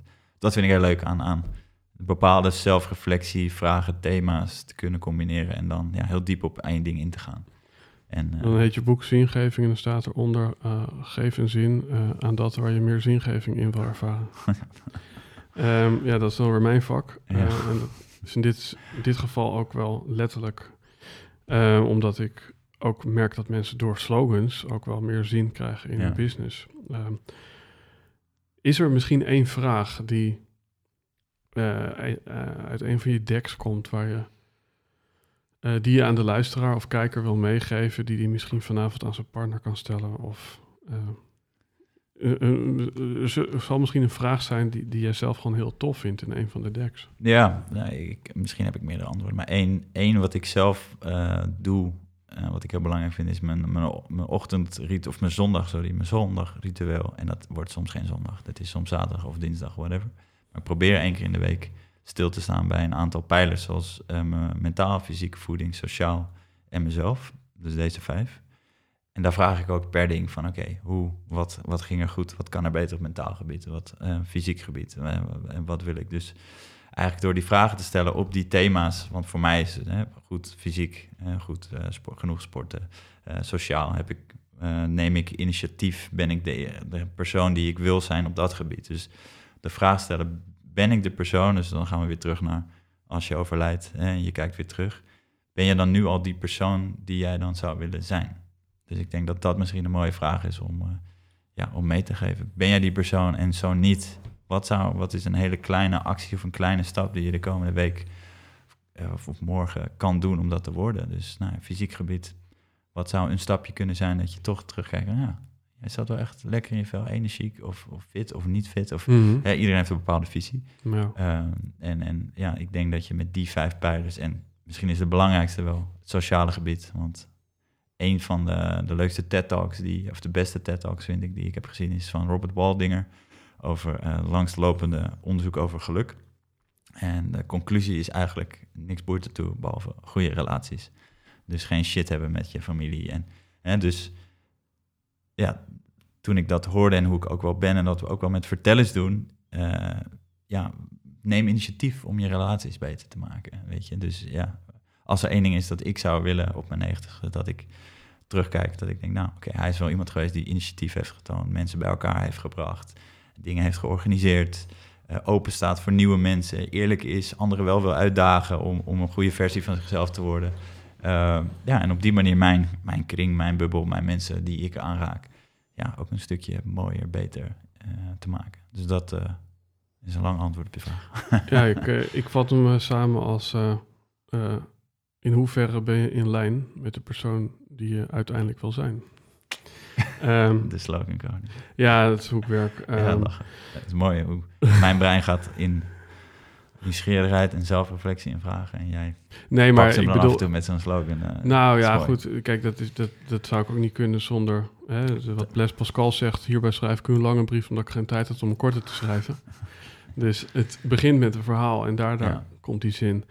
Ehm dankjewel voor je bijdrage. Eh dankjewel überhaupt dat je op eh, ja, een hele rare plek in mijn leven verschenen bent. Ja, ah, wel leuk. Ehm, Het zweet het. En eh, ja, we wonen bij elkaar in de buurt, dus ik denk dat we nog niet helemaal van elkaar af zijn. En iedereen geef vijf sterren. Kijk, kijk, hoor, hoor, het eens van een ander, wou ik zeggen. Ja, nee, eh, dat zou hartstikke leuk zijn. Nee, ja, meer en, fuck de meningen van de rest. Denk, en, en, en fuck de meningen van de rest. Ehm, als je over deze aflevering wil meepraten, eh, hashtag Helden en Hordes op alle social. Eh, vergeet ook zeker niet eventjes vertellers te volgen op Insta. Ehm, en Helden en Hordes. We gaan samen ook wat mooie filmpjes uit deze aflevering samen delen. mag, want mag ik delen is ding, ja, mag ik één ding... eh, als mensen het leuk vinden, mogen ze mij ook persoonlijk mailen. Ik vind dat echt oprecht eh, tof om in contact te komen met mensen die een tof verhaal hebben. was je e-mail? Ja, Bart, apenstaartje, vertellis.nl. Kijk, Vrij makkelijk. dat is te onthouden. Eh, de rest eh, le- le- lees je in de show notes. Ook dat boek waarvan ik nu alweer de naam vergeten ben. De Relationship Handbook. Ja, die, maar die ook die ander. Oh, Small Giants. Ja, oké, nou die zie je dus in de show notes. Eh, mij zie je in de volgende aflevering. Ja, en dankjewel voor het luisteren en dankjewel voor het komen. Jij ook bedankt. Tof. En dan sluiten we hem hierbij af. Thanks.